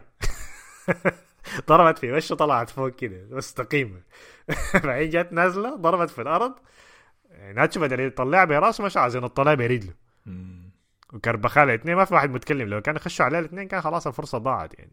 بس يورنتي ضربها دخلت منها راسي يعني. دي اقوان امم أفريقيا دي. أي. مم. هي كان مسألة آه. وقت ولا الجون ده يخش أنت عارف أنا يعني أنت لما تكون لاعب كويس ومتقدم فايز 1-0 والإكس جي في آه. صالحك وبتصلح فرص كثيرة وما قادر تسجل الفريق الثاني هتجوه لحظة كده ودربك ويخش جون. دي كانت مكتوبة يعني. الخنجر. أي ف فنقطتين ضيعات على الفاضي. يعني زي ما قلت ده, ده, الشهر اللي حيحدد موسم أنشيلوتي كله يعني. هسه ضيع نقطتين بدون أي فايدة لحسن حظه إنه جيرونا ذاته تعادل مع ريال سوسيداد. أنت ما استفدت من الحاجة دي. المباراه الثانية الجايه دي مصيرية وساده كده تحميه في آي. المستقبل. المباراة الجاية مصيرية عديدة يعني. لو خسر من جيرونا خلاص يعني الموضوع الفريق ذاته هيتهز يعني. وأنا ما أعرف الغيابات دي حت هل رود... هل روديجر حيرجع ولا لا؟ ذاته في المباراة الجاية دي ذاتها مشكلة يعني. ف بس أي. في في الكورة دي ما لاحظت في كان في غلطتين للفار في في بلنتيين ما اتحسبوا لريال مدريد ال- ال- اللزه بتاعت لزوا فيها بلينغهام والثاني كان تدخل على فاسكس اديك أديك لأنه كاره فيران توريس قال نحن مركزين مع حكام الساحة والفضائح كلها من حكام الفار. جون سافيتش إلغاؤه فيه ألف علامة استفهام. وبيلي كل شوية يقع وحكم الفار قدر ما قلب اللقطات ما لقى طريقة يديه ضربة جزاء. ما شايف ما نحن بس بنخش على الموضوع ده. ناس برشلونة. أو ناس الفرق الثانية عموما يعني. الكلام هو ما على إنه الغلط ال- الحكام بيغلطوا. هو التحكيم كعب في كل الناس لكن الناس بتعاين لها بس إنه آه ريال مدريد ما استفاد من الحاجة دي خلاص ما في واحد. لأنه غير المباراه بتاعت الليلة دي يعني لقطة بلينغهام لما سافيج ضربه في ظهره ديكي أنا شايفها بلنتي. واضحة. بتاعت لوكاس فاسكيز ممكن أقول لك يا أخي ممكن لوكاس فاسكيز بتاعت بلينغهام الثانية ديك ما ما ما ما, بيح ما بتتحسب ديك يعني. لكن لقطه سافيج دي أنا ما أعرف كيف ما تحسبها يعني. ف قدامه. ما محتاج يرجع أيوه قدامه يعني. ف... ف واضحة شديد يعني. غير كده لما ترجع يعني الناس حسي مركزه مع okay ريال مدريد بيجي يطلع فيديوهات الفيديوهات ال- بتاعت التحكيم دي من بداية الموسم قاعد يطلعها بالمناسبة. من بدايه من الموسم أظن من نهاية الموسم اللي فات يعني. بيعمل الفيديو بتاعت ال compilation الأخطاء التحكيم دي فالناس بس ركزت عليها حسي بعد مباراة ألميريا. وتاني حاجة مباراة ختافي. لأنه الناس ما يعني ما أثرت على النتيجة فالموضوع ما كبر شديد. لكن كان في برضه بلنتيين ما تحسبوا في المباراة ديك لريال مدريد. في واحد من أول ثلاثة دقائق لفينيسيوس كان واحد كسره في منطقة الجزاء ما حسبه. واحد في الدقيقة ما أعرف 88 على إبراهيم دياز. الزول ده يعني جزوع عديد يعني قدام الحكم لما جرى الحكم خلى الكورة يعني جرى الحكم قال له ده شنو ده؟ بعد بعد ما صفر الحكم المباراة انتهت قال له ده شنو ده؟ بلنتي واضح ده يعني. ف أنا أنا بالنسبة لي يعني الناس الفرق الكبيرة حتى في الدوري الإنجليزي مثلا لما ال... يعني لما المدرب يطلع بعد المباراة ويقول يا أخي التحكيم وغلط وديسكريس والحاجات دي كلها دي ممكن تكون حاجة عاطفية. لكن لما يطلعوا فيديوهات ولا يطلع في مؤتمر صحفي لابورتا يطلع يقول التحكيم ما أعرف شنو ولا تشافي يساله في مؤتمر صحفي ما له علاقة في مباراته ويقول الحاجة دي أو يطلع مثلا بيان رسمي الفريق دي فكرتها في الآخر إنه تاخد في الح... في رأس الحكم الفكرة دي إنه نحن أديناهم بلنتس المباراة اللي فاتت ولا كان في أغلاط في المباراة اللي فاتت واستفادوا منها عشان بس إنه تزرع الفكرة دي في رأس الحكم. أول ما زرعت الفكرة دي في رأس الحكم بعد كده خلاص يعني. زول ده كده يعني. ما بتضمن قراراته يلا ف- ف... مشكلة. التحكيم دي مشكلة كبيرة جدا في إسبانيا. يعني سواء التحكيم كعب أي الفار أكعب منه أي. تعامل الأندية مع التحكيم ووضع الضغط. يعني مثلا الريال بيطلع الفيديوهات بتاعته. برشلونة بيتكلم في المؤتمرات ولابورتا بينزل فيديو عديل في تويتر بيتكلم عليه. جيرونا بيغادي بيقولوا لا إحنا إحنا بنركز في كورتنا. لكن المباراة اللي تعادلوا فيها طلعوا برضه يشتكوا من الحكم. فالكل بقى بيلعب اللعبة العاطفية بتاعته دي عشان يأثر على الحكام ده غير القضية اللي ماشية في المحاكم. فالحكايه في الواطة و- وماشية لأسوأ كمان ماشية لمستويات أقل من ال... من الحاجة وغير كده لا- يعني. وغير كده إنه الميديا ذاتها بقت تخش في الموضوع. يعني مباراة لاس بالماس دي بين الشوطين. يعني المباراة دي كان رودريجو لما ندى ال- اللاعب دك الحارس كف ولا شنو في أول. دقيقتين في المباراة. فبين الشوطين جابوا الفيديو للكاميرا إنه كان كربخال وناتشو بيتكلم مع الحكم. اي فترجموها غلط. فترجموها غلط. آه. قال إنه الحكم قال لهم إنه هي كان المفروض تكون طرد. لا لكن لا حسي جاء الليلة طلعوا اعتذار أظن. شفت الليلة طلعوا اعتذار قال إن إحنا ما ترجموا غلط. ما ترجموا غلط. حصل شنو؟ حصل القناة طلعت الفيديو داك قصت ال- الفيديو بطريقة معينة بس انها تظهر الكلام انه كان الحكم بيقول آه هي مفروض أحمر. لكن شنو؟ ما ما طلعوا المقطع كامل فقصوا الكلام. فهم عملوا تلاعب بالفيديو. دي قناة اسمها دازون الناقل الرسمي للدوري الإسباني. فلما انضغطوا ناس القناة قالوا لهم لا نزلوا المقطع كامل. فبالنهاية اضطروا إنهم يعتذروا. فهي مش ترجمه هي تلاعب بالفيديو كمان. ليه ما تقدر تعرف؟ فحتى الأدوات الإعلامية بتستغل سوء التحكيم. عشان تطلع هي أحسن منهم وت- وتضع تدعس على التحكيم بكورينا عندك اسمه ده جيراد آه، روميرو بتاع الصحفي بتاع برشلونة قاعد يسرب مقاطع صوتية للفار. سر هنا مع في كرة الكلاسيكو. هنا سر سرب مقاطع صوتية للفار حق الدرجة الأولى. ناس إسبانيول ضد ضد ما أعرف آه، تناريفي حاجات كده خارجية. لا هنا الحكم جامل. هنا الحكم ما عارف شنو. ف وصار رافعين رافعين عليه قضية كبيرة في المح- المحكمه الإسبانية هنا إنه كيف تتسرب حاجة زي دي. فالموضوع يعني ماشي مرحلة كعبة كعبة كعبة شديد يعني. فبس هنقعد كده مدورين لحد نهاية الموسم يعني. كل ما تخلص مباراة برضه هيقعد يطلعوا لنا قرارات وبتاع. طيب. خالد أحمد سليمان قال بواحده من أجمل وأفضل مباريات ريال مدريد خطف أتلتيكو مدريد تعادلا ثمينا خارج الديار. كان أتلتيكو محظوظا جدا بالتعادل في مباراة كانت سيئة جدا منه. قال أتلتيكو كان كعبين شديد في المباراة دي. آي. طيب خلينا نواصل. يلا ونمشي لبرشلونة. المستفيد من التعادل ده النتيجة اللي أنا كنت عايزها بالظبط هي تعادل ريال مدريد في شنو. مستفيدين؟ في في شنو آه. آه سباق الدوري ما ما انتهى ما مات. أضحك آه، أضحك أضحك زي ما أنت عايز. سباق طيب. الدوري ما مات. حاجة طيب. بقول أنا مبسوط يعني. برشلونة طبعا غلب على بيس 3 واحد آه خارج ملعبه. فوز مستحق يعني حقيقة بكمية الفرص الصنوعة. والكرت الأحمر الطرد الغير مستحق في رأيي. يعني كان حصل حاجات كمية في المباراة دي فحسلمك الدفة يا حسن يلا تفضل. أي. ال... كرة ضد الافيس في أديك ما- أديك. دقيقة طيب آه. دقيقة دقيقة. خال عمران قال لك مبروك الثلاثة نقاط يا حسن. ورأيك شنو في أداء الفريق المباراة دي؟ هل كريستنسن نجح في دوره الجديد كارتكاز وما تنسى جندوجان وأهم شيء حالة الطرد وصاحب الطرد. مم. آه، الت- التفاصيل دي كلها يعني مثلا جاندوجان أحسن لاعب في المباراة ما في نقاش. تحرك يعني تحركاته كلها في الملعب كانت ممتازة. آه ليفاندوفسكي عاد. آه فيتور روكي كان ممتاز في العشر دقائق اللي لعبها فدي دي حاجة. لكن أنا لازم أبدأ من البداية اللي هي فكرة إنه ألافيس فريق صعب شديد. فالافيس آه من فرق الباسك من مدينة فيتوريا في الشمال. ما خسر على ملعبه اعتقد في آخر خمسة مباريات. كان طوالي بيفوز يعني لا عفوا خسر مباراة واحدة بس في آخر خمسة مباريات على ملعبه. فما فريق هين. بعدين فريق بقيادة آه، سامو عمر الدين المهاجم المعار من أتلتيكو عامل رعب في الدوري الإسباني كله. ما في فريق إلا يعني على الأقل بيكون عنده كرة في العارضه إذا ما جاب جوان يعني تقريبا كل مباراتين. ف كورة لبرشلونة بعد ال... بعد ال- البهدلة اللي حصل في نص الأسبوع بتاعت كورة فياريال أنا قلت الحكاية دي ما هتكون ماشية كويس لكن على العكس تشافي فاجأني صراحة. خش المباراة دي بتشكيلة جديدة. آه خت كريستنسن كارتكاز. دي حاجة ما توقعتها يعني. آه ولعب كوبارسي اللاعب ال 17 سنة كقلب دفاع. أو برضه بيميل شوي للظهير كظهير شمال لأنه كانسيلو كان بيتقدم لأنه كان في أربع لعيبة وسط. بيدري ما مهاجم بيلعب بيرجع يكسر في الوسط.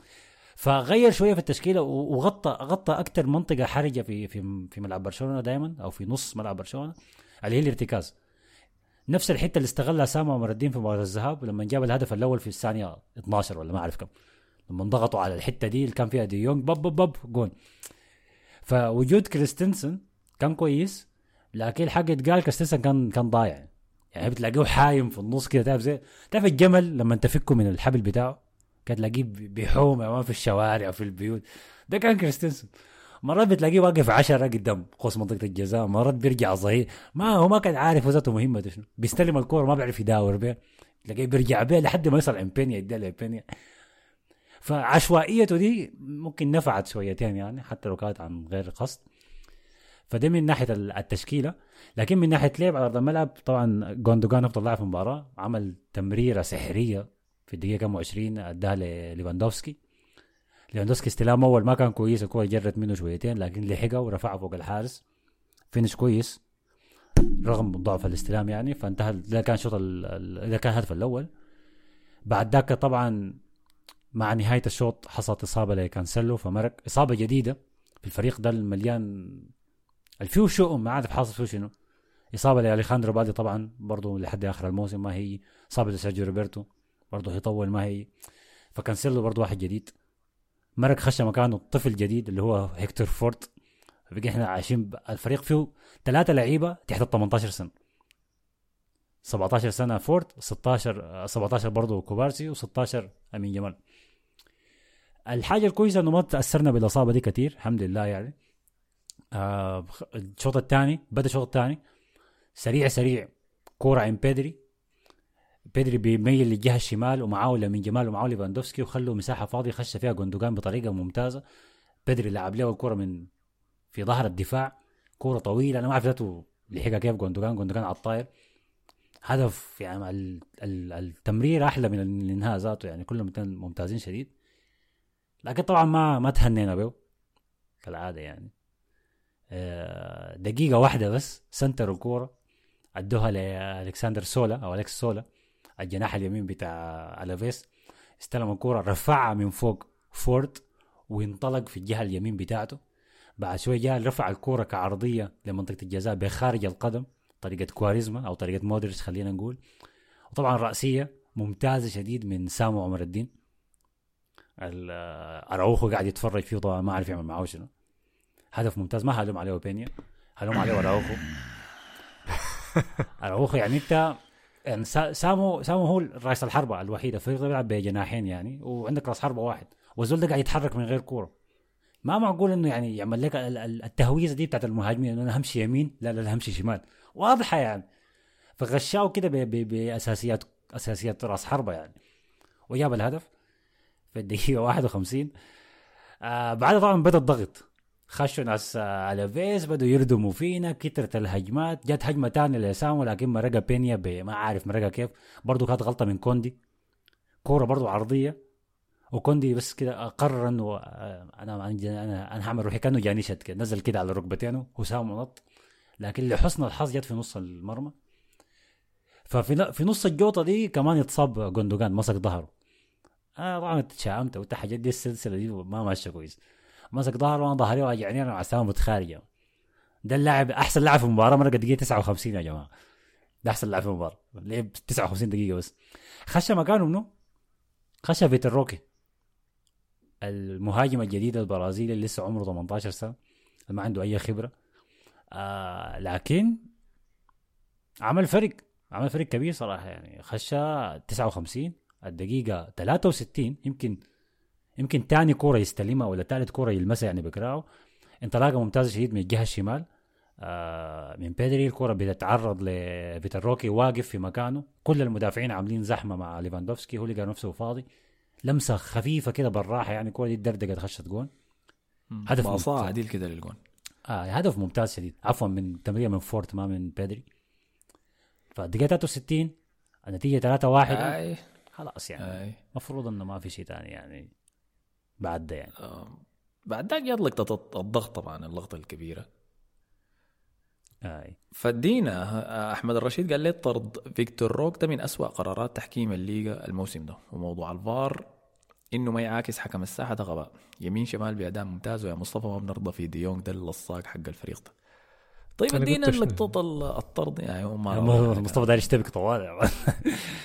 آه، أنا عايز أعملها كسلسلة لأنه روكي خش الدقيقة 59 جاب الهدف بتاعه الدقيقه 63 كرت أصفر برضه غير مستحق الدقيقه 67 وحصل الطرد الدقيقه 72 يعني في خلال 13 دقيقة عمل أربع حاجات. جاب جو دخل جاب جون أخذ كرت أصفر أخذ كرت أحمر. وتخارج من الملعب. ده اللاعب ده تاني مباراة له في الدوري وثالث مباراة له في الدوري. في أوروبا كلها يعني. الطرد غير مستحق اي غير مستحق. ما هي أساسا فاول على المدافع. المدافع هو خاشي بعنف وبقوه على فيتروكي الحكم شافه إنه فيتروكي عفص كرة على المدافع. لا هو المدافع هو خاشي بعنف زيادة عن اللازم. فالكرة على روكي جت في يعني هبشت هبشت كرة المدافع هبشة خفيفة ذاتها يعني ما حاجة. حكم طوالي بس كرت اصفر أحمر طوالي لا فار لا أي شيء ولا داير يتفهم. في لقطة غريبة شديد المفروض المدافع هو اللي يطرد فيها مش فيتروكي يطرد فيها. ما أنا ما عارف. إنتوا شفتوا شفتوا حاجة تانية يعني ولا أنا بيتهيأ لي إنه حكم بالغ في الحكاية دي؟ لا هي ما ما ما بتستاهل طرد دي صراحة خالص خالص. في اسوء الأحوال لو هو كان فعلا فاول في اسوء الأحوال ما دام هي 50 50 يعني التحامين في نفس الوقت حد ما فيها كرت بس فاول بس وخلاص. لكن ما كرت أصفر تاني يؤدي لأحمر نهايه يعني. لا ابدا بالتأكيد ما المفروض تكون كرت أحمر. ما أعرف الحكم ذاته فكر في رأيه في شنو. لكن موضوع إنه الفار ما يصحح حكم في كرت أصفر ثاني ده المفروض قانون يتع- يتعدل عديل كده في كرة القدم. لأنه كمية الحالات اللي قاعد تحصل زي دي كارثية عديل كده بقت اي اي اي ما أنا ما أعرف الحاصل شنو صراحة موضوع التحكيم ده. طيب آه عاصم عبد الله حسن محمد قال لك الولد كوبارسي ده فيه كثير من بيكي صراحة المشكلة زايدة إنه قاعد أشوف مستويات أروخو دي فقاعد أبكي زيادة كمان. صفقة فاشلة جديدة من ديكو الزول ده والله ما عارف هو قاعد يعمل في شنو. كوبارسي لعب كعب يعني للدرجة دي؟ لا لا هو طبعا قصده قصده قصده آه، اراوخو الكعب. صفقة فاشلة ما قصده كوبارسي. كوبارسي كوبارسي ما ما بيشبه بيكيب لسه الزول ده ما طويل شديد بس 182 سم آه. ما أنا لحد هسه هو بيقول أشول لكن أنا ما مصدق إنه أشول. أنا ما أعرف كراعه هو ذاته ما اعرف هو كراعه شنو. لكن هو كويس كمدافع شاب عمره 17 سنة. اتخطى في مواقف صعبة زي دي. أنا شايفه كويس. وفورت برضه كويس الاثنين كويسين يعني. ودي حاجة من الح- من الحسنات بتاعت شافي اللي الاعتماد بتاع اللعيبة بتاعت اللاماسيا ديل. طبعا مضطر غصبا عنه. ضغط من الإدارة وضغط المالي برضه يعني. والإصابات بتخليه يعتمد على أطفال زي ديل. لكن أنا شايف إنه كوبارسي ممتاز. مسوي عليه زيادة يعني ما في داعي تنتقده. طيب وجوستافو قال لك أفضل ما ليفا أفضل ما ليفا سجل آه أفضل إنه ليفا سجل ويثبت لكم إنه لا يوجد أخطر من رجل عاد من دار المسنين. وفزنا غصبا على الليغا وتيباس وبيريز. في المباراة أداء لمين ولعب كريستنسن في مركز الارتكاز. طيب. مشكلة دي. أنا عارف أقول لك شنو أقول له شنو يعني؟ ما في حاجة كويسة يعني. ليفاندوفسكي إنه يجيب هدف؟ يحتفل بها يعني. آه كان كويس يعني. الهدف صراحة ال finish نظيف. وال pass سمح ذاته من قد وقال مصطفى تيكو قال لك ما بنقبل إنكم تقولوا ديونج موهبه مزيفة. يا أخي مستحيل تحضر مباريات برشلونة اللي هو في أسوأ نسخة له وما تشوف إنه ديونج هو أفضل موهبة حاليا. الظروف اللي وصل فيها وعدم الاستقرار في نادي غير مستقر وما في مدرب قادر يطور موهبته. طبيعي تظهر الأداءات المخزية دي. قبل موسمين كنا بنذكر ديونج في محادثات أفضل لعيبة الوسط في العالم. تخيل لو لقى مدرب زي بيب كان حيكون كيف.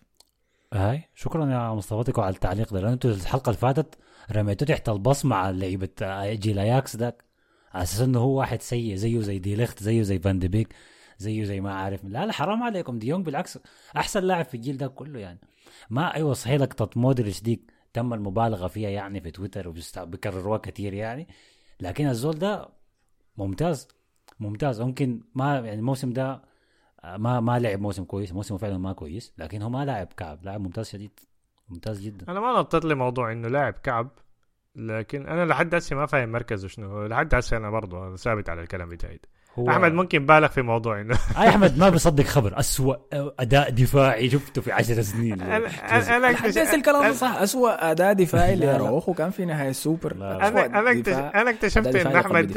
أنا اكتشفت إن أحمد ده حبيس اللحظه يا مان. أنا- اليوم ذاك الحلقة ديك يا أخي حسن كان رسل الحلقة بتاعت كأس العالم ديك بتاعت من النهائي ولا حاجة زي آي. كده. فقعدت سمعت الحلقة ديك. حلقة شديده فعلا كانت. وكنا نتكلم عارف عن المغرب وبرتغال أتوقع ولا حاجة زي كده. فأنا جيت أسيب لبرونو فرنانديز كالعادة. عشان أحمد شبكني يا أخي كده يا أخي برونو فرنانديز شنو يا أخي؟ أنا عاوز عاوز عاوز أشكر المرابط ده لازم فريق كبير يجي يتعاقد معه. لبسهم يا أحمد. كان ممتاز. أي مرابط يا أخي في كأس العالم مالكم؟ آه لكن انت موضوع في الموسم ده ذات أنت قلت لي بداية الموسم كنت قاعد تقول لي ديونج ده أحسن لاعب في الفريق برشلونة. قلت لك لا لا بدري يا man. بدري أحسن لاعب في الفريق. وأنا لسه ثابت على الكلام ده يا بعدين آه. في الم... في الموسم ده في الموسم ده أنا قلت قاعد يقدم مستويات أحسن منه. مستويات أحسن منه. أي. لكن ال- ال- ال- اللي بعتمد عليه في الارتكاز. ولا رجل الوسط. الأول؟ رجل الوسط الأول. ما نسميه ارتكاز يعني. okay. إنه هو الزول اللي حيثبت الفريق لما يتهزم. آه ده بدري لكن ده ما ما ديونج أيوة. ما- دي ما وظيفة بدري. يلا بدري هو الهجومي ما- أكثر من قد من أنا أوريك سبب الجوطة دي يا مصطفى وأحمد سبب الجوطة دي أنه ال- ال system بتاع الوسط أصلا ما ما واضح ما معروف منو هو الارتكاز الدفاعي منو اللاعب رقم ستة اللي بيحرك الكورة ومنو اللاعب ال- الثمانية أو 10 اللي بيكون أقرب للصندوق. برشلونة ما قدر يصل للتشكيل للتوليفة دي خالص. الموسم اللي فات بوسكيتس عايز يلعب ارتكاز براو ما عايز يلعب جنبه ديونج وهو ديونج ما بينفع يلعب إلا في مثلث مقلوب لازم جنبه ارتكاز دفاعي عشان هو ما ير... عشان هو ياخذ راحته يعني ويبقى صندوق هو لاعب ص- يعني box to box أكثر من أي حاجة يعني ده تقريبا هو ديونج فالموسم ده منو القايم بالمهمة دي؟ جوندوجان ومنو قدام جوندوجان بيدري وديونج تاني رجع يلعب شنو؟ لعب ارتكاز دفاعي. وبسبب إنه هو لاعب إنه ارتكاز دفاعي منطقة الدفاع دي كلها جايطة قلوب الدفاع الاثنين وديونج جايطة لأنه ده ما مكانه. اصله نهائي ما مكانه. فبيبان فيه كعب كعب شديد. الكرة دي بان كويس شويتين. ليه؟ لأنه في كريستنسن وراه. بس ده دار له دار له ده كان المفروض مهمة روميو إنه زول يحميه يحمي ظهره يعني. لكن ده كله ما أنا بقبله. لكن ترموه في المحادثة إنه موهبة زائفة وتقارنوا لي بفان دي بيك وبدي ليخت والله حرام عليكم. أنا كنت بسمع بسمع الحلقة. في الباص وأنا راجع من غرناطه أنا زعلان يا man.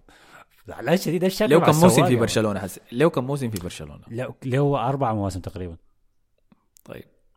لحد هسه نقدر في موسم نقدر نقول فيه إنه ديونج حمل فيه برشلونة؟ اي موسم ال- ال- اللي جبنا فيه كأس الملك.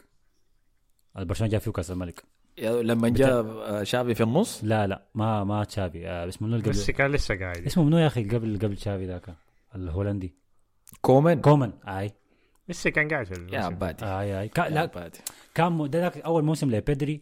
آه كان ديونج كان ممتاز فيه في نص الميدان. كان لما 3 5 2 دقيقه كان ممتاز فيه في نص الميدان. ليه؟ لأنه في ارتكاز. إحنا ما إحنا ما رميناه في نفس الهنا لكن الجيل ده كله لسه ما وصل للحاجة اللي الناس كلها متوقعين منها منه يعني. بس أنا نقطتين أنا ما أعرف أحمد كان قاصد شنو. حسي عمره كم بقى ديونج كده دقيقة.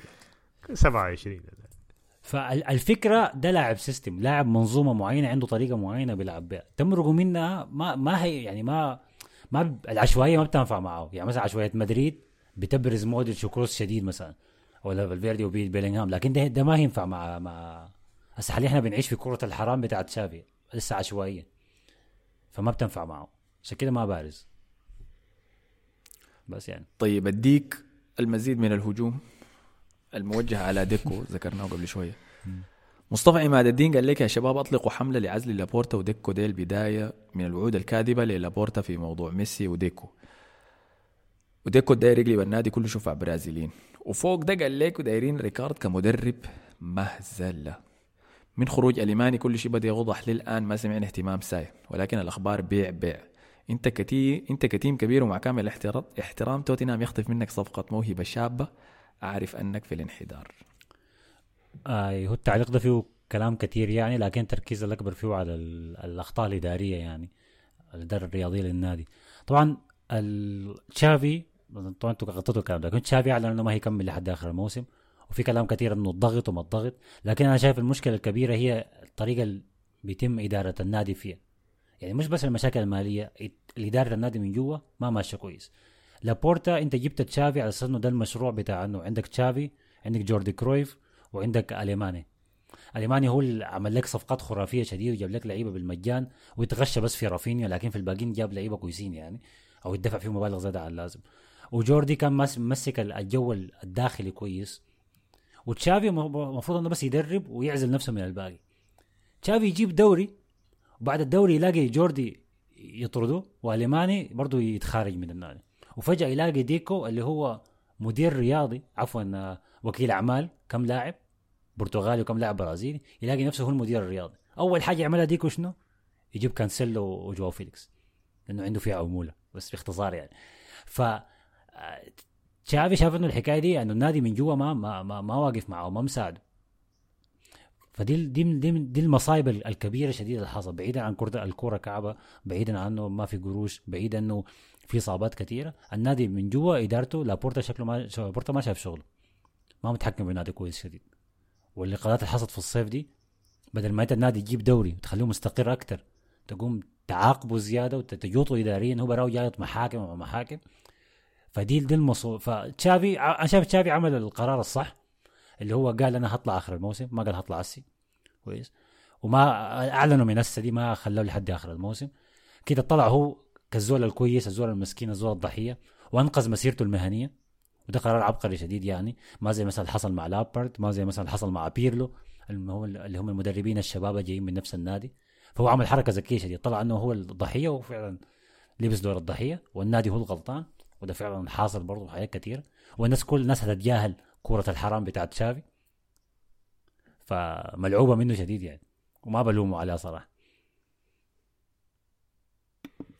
طيب أخيرا وليس اخرا مصطفى تيكو قال لك آه، شتيجن يستقبل مولو- مولوده الجديد ديونج يستقبل طفله الأول أروخو يستقبل طفله الثاني وكانسيلو في انتظار مولود. الجماعة مقضينا سيكسيك وال team واقع. أتمنى بعد كده يركزوا لنا. أنت عايز يركز لك أنت ويسيب مرته في البيت وأولاده؟ دي أهم منك أنت منو من أنت عشان اللاعب يركز معاك؟ ده مصطفى تيكو ده مصطفى ما ورضى فيه. ما ممكن يعني خليهم يشوفوا حياتهم؟ خليهم يشوفوا حياتهم يعني. ما مصطفى قال لكم بطلوا هنا أولاد؟ تجيبوا أولاد؟ ما في زول يجيب أولاد بعد. دي حياتهم الشخصية. أحسن لهم اللعيبة الصايعين الضايعين كل يوم في حتة. زي جواو فيليكس. ها؟ سامع يا جواو فيليكس؟ العوالم بتسوي فيه والمشاكل اللي بت... تحتفل براكو وقاعد يضحك في الدكة كورة فياريال. الفريق مغلوب قاعد يضحك. الناس كلها زعلانه وبتشتم ولا حول ولا شنو الردم اللي حصل وقاعد يضحك في الدكة يعني. الزول ده ما ما ما, اعرف مريض والله ما طبيعي. نسيم حسين قال عندي سؤال للهارب. هل الصياح صفة متوارثة في برشلونة؟ من رئيس نادي لمسؤولين لمدرب للاعبين لجماهير. الصياح صفة دائما عند الأندية اللي بتكون واقعة. ما في برشلونة بس. كل ما النادي بيقع يبدأ طوالي يشوف التحكيم والله الأرضية والله ما عارف الاداره ده الطبيعي يعني. لأنه ما في اعذار بعد. اعذار بتاعت تشافي خلصت. بالمناسبة تشافي طبعا دي أول كرة تكتيكيا يلعب فيها كويس يعني. لكن كان وضعه تكتيكيا كعب شديد لدرجة بعد كرة فياريال لما خشيت التيك توك. لقيت ناس بترفع مقاطع وراهم كده لوحة وفيها اللعيبه وخاتين تاج لتشافي. تشافي هل ممكن تلعب بالتشكيلة دي؟ يبدأ يحركوا له في اللعيبة في في اللوحة. ولقيت فيها هاشتاجات كده بتقول لك إنه تشافي how to football ولا ما أعرف تشافي football فيبغوا يعلموه في الكورة يعلموه أساسيات الكورة في التيك توك. فيبدو إنه تعلم حاجة. يبدو إنه حقت أنا بس دي تعلم منها حاجة. وأمير بابكر قال لك الدنيا مقلوبة على حسن والناس بتسأل ليه ما قاعد وهو في الإنستا قاعد يعمل مقابلة ويسأل why are you gay يا أبو صلعة أنت بتعمل في شنو؟ عارفين برشلونة شرطت عين أهلك لكن ما للدرجة دي. أول شيء ما صلع جلحات فرق. كويس. لسه ما بقينا صلع لسه. يعني أنت يا ما أمير بتتكلم معاه كأنه أنت سويدي ولا حاجة. ما شوي عصلها أنت ذاتك فيش. هاي ده ما السعوديين بالمناسبة عندهم صلع برضه. لكن برضه هاي انت أنت سوداني. مصيرك جلحات صلعة في النهاية. أي والله. آه أي يعني. والله. وبعدين أيوه طبعا التعليقات بتاعت المقطع كلها الهارب الهارب الهارب الهارب. وفي واحد واحد في التعليقات كتب كما يجب. فيبدو إنه ده ما سمع الحلقة اللي فاتت واحد. يجب. آه، ده ما سمع كما الحلقة يجب. رساله مصطفى. طيب نمر على تعليقات اليوتيوب. عشان ما ننسى طبعا ناس اليوتيوب يا أخي. أنا حسي بالمناسبة شبكنا ال... البودكاست مع اليوتيوب. اليوتيوب طبعا مالكو جوجل وجوجل عندهم application جوجل بودكاست صح؟ ففي جزء منكم بيسمعوا في جوجل بودكاست. فنص السنة دي جوجل حيقتل جوجل بودكاست وحيدمجها مع يوتيوب. حيبقى في حاجة اسمها يوتيوب بودكاست. جريمة داخلية دي. دي حاجة حزينة يعني. لكن قالوا إنه ما حيكون في فرق حيكون في application اليوتيوب تقدر تشغل بودكاستاتك هناك وتسمعها التجربة حتكون كيف؟ هل حتقدر تقفل شاشة الموبايل؟ الحاجة دي أنا ما عارف والله لسه. لكن شبكنا حسي اليوتيوب مع البودكاست فاللحظة تمرق فيها الحلقة في كل المنصات الصوتية حتمشي لليوتيوب برضو. تمام؟ فمحمد موسى قال فاستمروا يعني في تعليقات اليوتيوب ل... للوقت الحالي. حوريكم 200 توقفوا لما نهاجر يعني منه. خلاص نرفع. محمد موسى قال عايز رأيكم في تراجع نيوكاسل إيدي هاو. من وجهة نظري غايته نفس مشكلة ديزيربي وهي عدم تنوع في أسلوب اللعب. يعني ما في creativity ولا صناعة لعب. ممكن لوتن ما ممكن لوتن تاون يحرجك كده وفي آخر 14 مباراة الراجل ده فاز في أربعة بس. زايد الولد بتاع النص اللي اسمه ميلي ده رهيب جدا بول سكولز. أنا شايف مشكلة نيوكاسل الإصابات. أول قبل أسلوب اللعب. أي أسلوب اللعب الضغط العالي بتاعه ده منهك. فده اللي بيسبب الإصابات دي لما تكون لاعب في ثلاثة أربع بطولات في نفس الوقت. آه، لكن الإصابات هي ال- الحجر المشكلة الأساسي. يعني تونالي ياخذ فصل موسم كامل. إيزاك مصاب ويلسون مصاب ويلوك مصاب جو لينتون مصاب. ما ما ممكن يسوي شنو تاني العبادي زياده بوتمان يرجع بجاي يصاب شار يطلع بهناك تريبير ميت ما في بديل له ويلعب منتهي. ف بوب اصيب يا man حسي برا باقي الموسم. فده برايي سبب المشكلة يعني؟ ميلي ده ممتاز ممتاز ممتاز. الجيل الجاي ده يا مان بتاع المواهب الصغيرة في الدوري الإنجليزي خرافي عديل كده. واحتمال يا أخي الفريق بس وصل السقف بتاعه مع ايدي هاو يا أخي. باللاعبين الحاليين يعني. الفريق ده ما عمل استثمارات كفاية عشان يكون أحسن من كده. عملوا ده شغل جبار يعني. شايفه يقال لو ما جاب الطفور أنا شايف المفروض يدوا تعاقدات زيادة قبل ما يقيل شادوز قال يا جماعة جودة الصوت في اليوتيوب هنا أحسن. هو والله نفس الملف يا شادوز ده اللي يكون حاجة كده عندي أنا يوتيوب برامج. هاي بركات اليوتيوب دي. لأنه بيقولوا مثلا الناس اللي بتستعمل سبوتيفاي وابل ميوزك ابل ميوزك ال quality بتاعتها أحسن. عندهم عندهم Dolby ولا حاجة زي كده. ومحمد التجاني قال كما يجب معاكم في أي حتة. شكراً كما. يجب. يا سلام. زورنا يا محمد. نمر على آخر تعليقات بس سريع كده. ود النور قال والله يا جماعة كنت أق... كانت أقسى أيام حياتي حرفيا.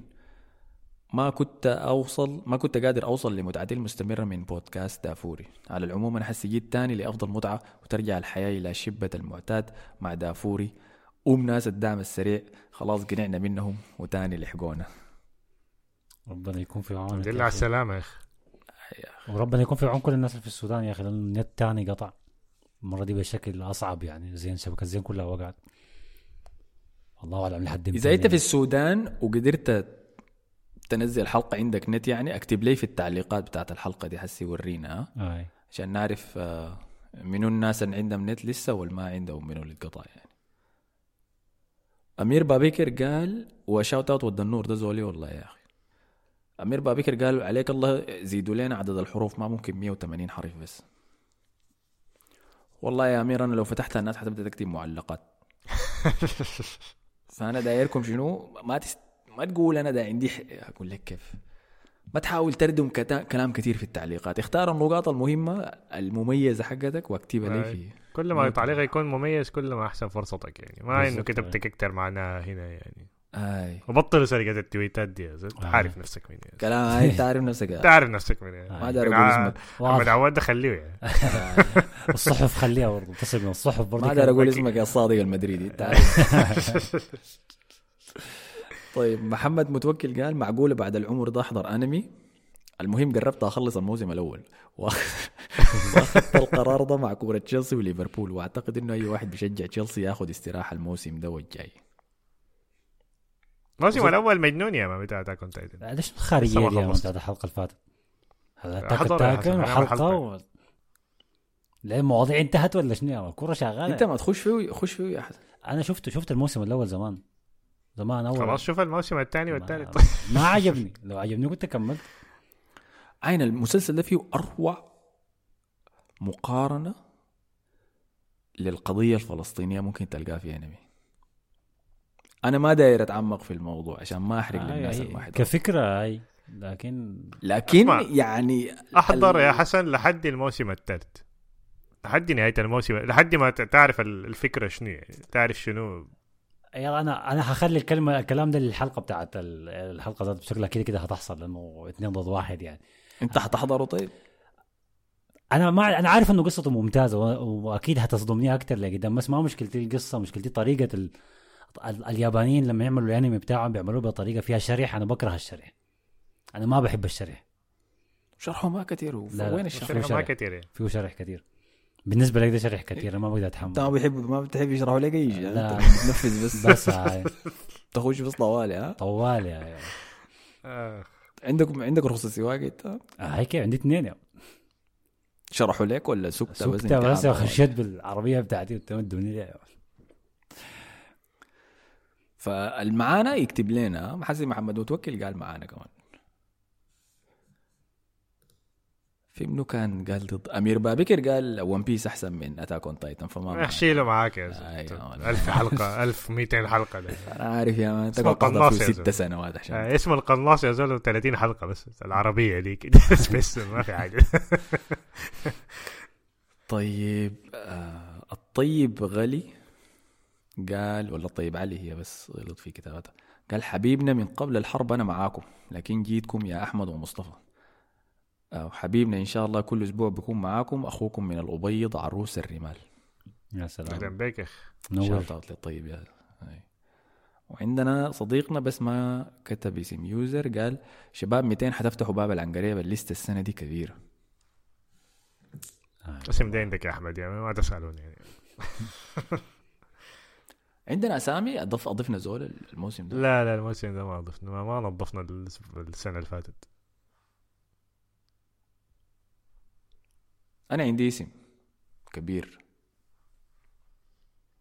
وحغرفه قريب حجر السجنان بس داير يبلع الطعم ده كويس عشان اجره برا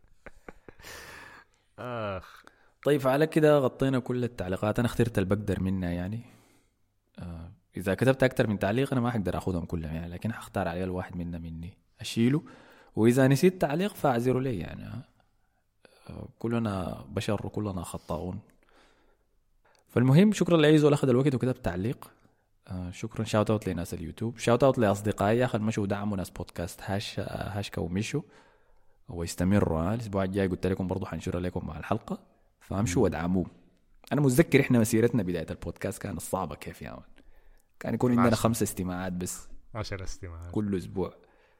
مم. وهنا اثنين منهم عمار فاروق. shout out يا سلام. يا man سمع الحلقة مرتين. آه، يا سلام. واثنين الثانيات من معاوية يا man للأسف.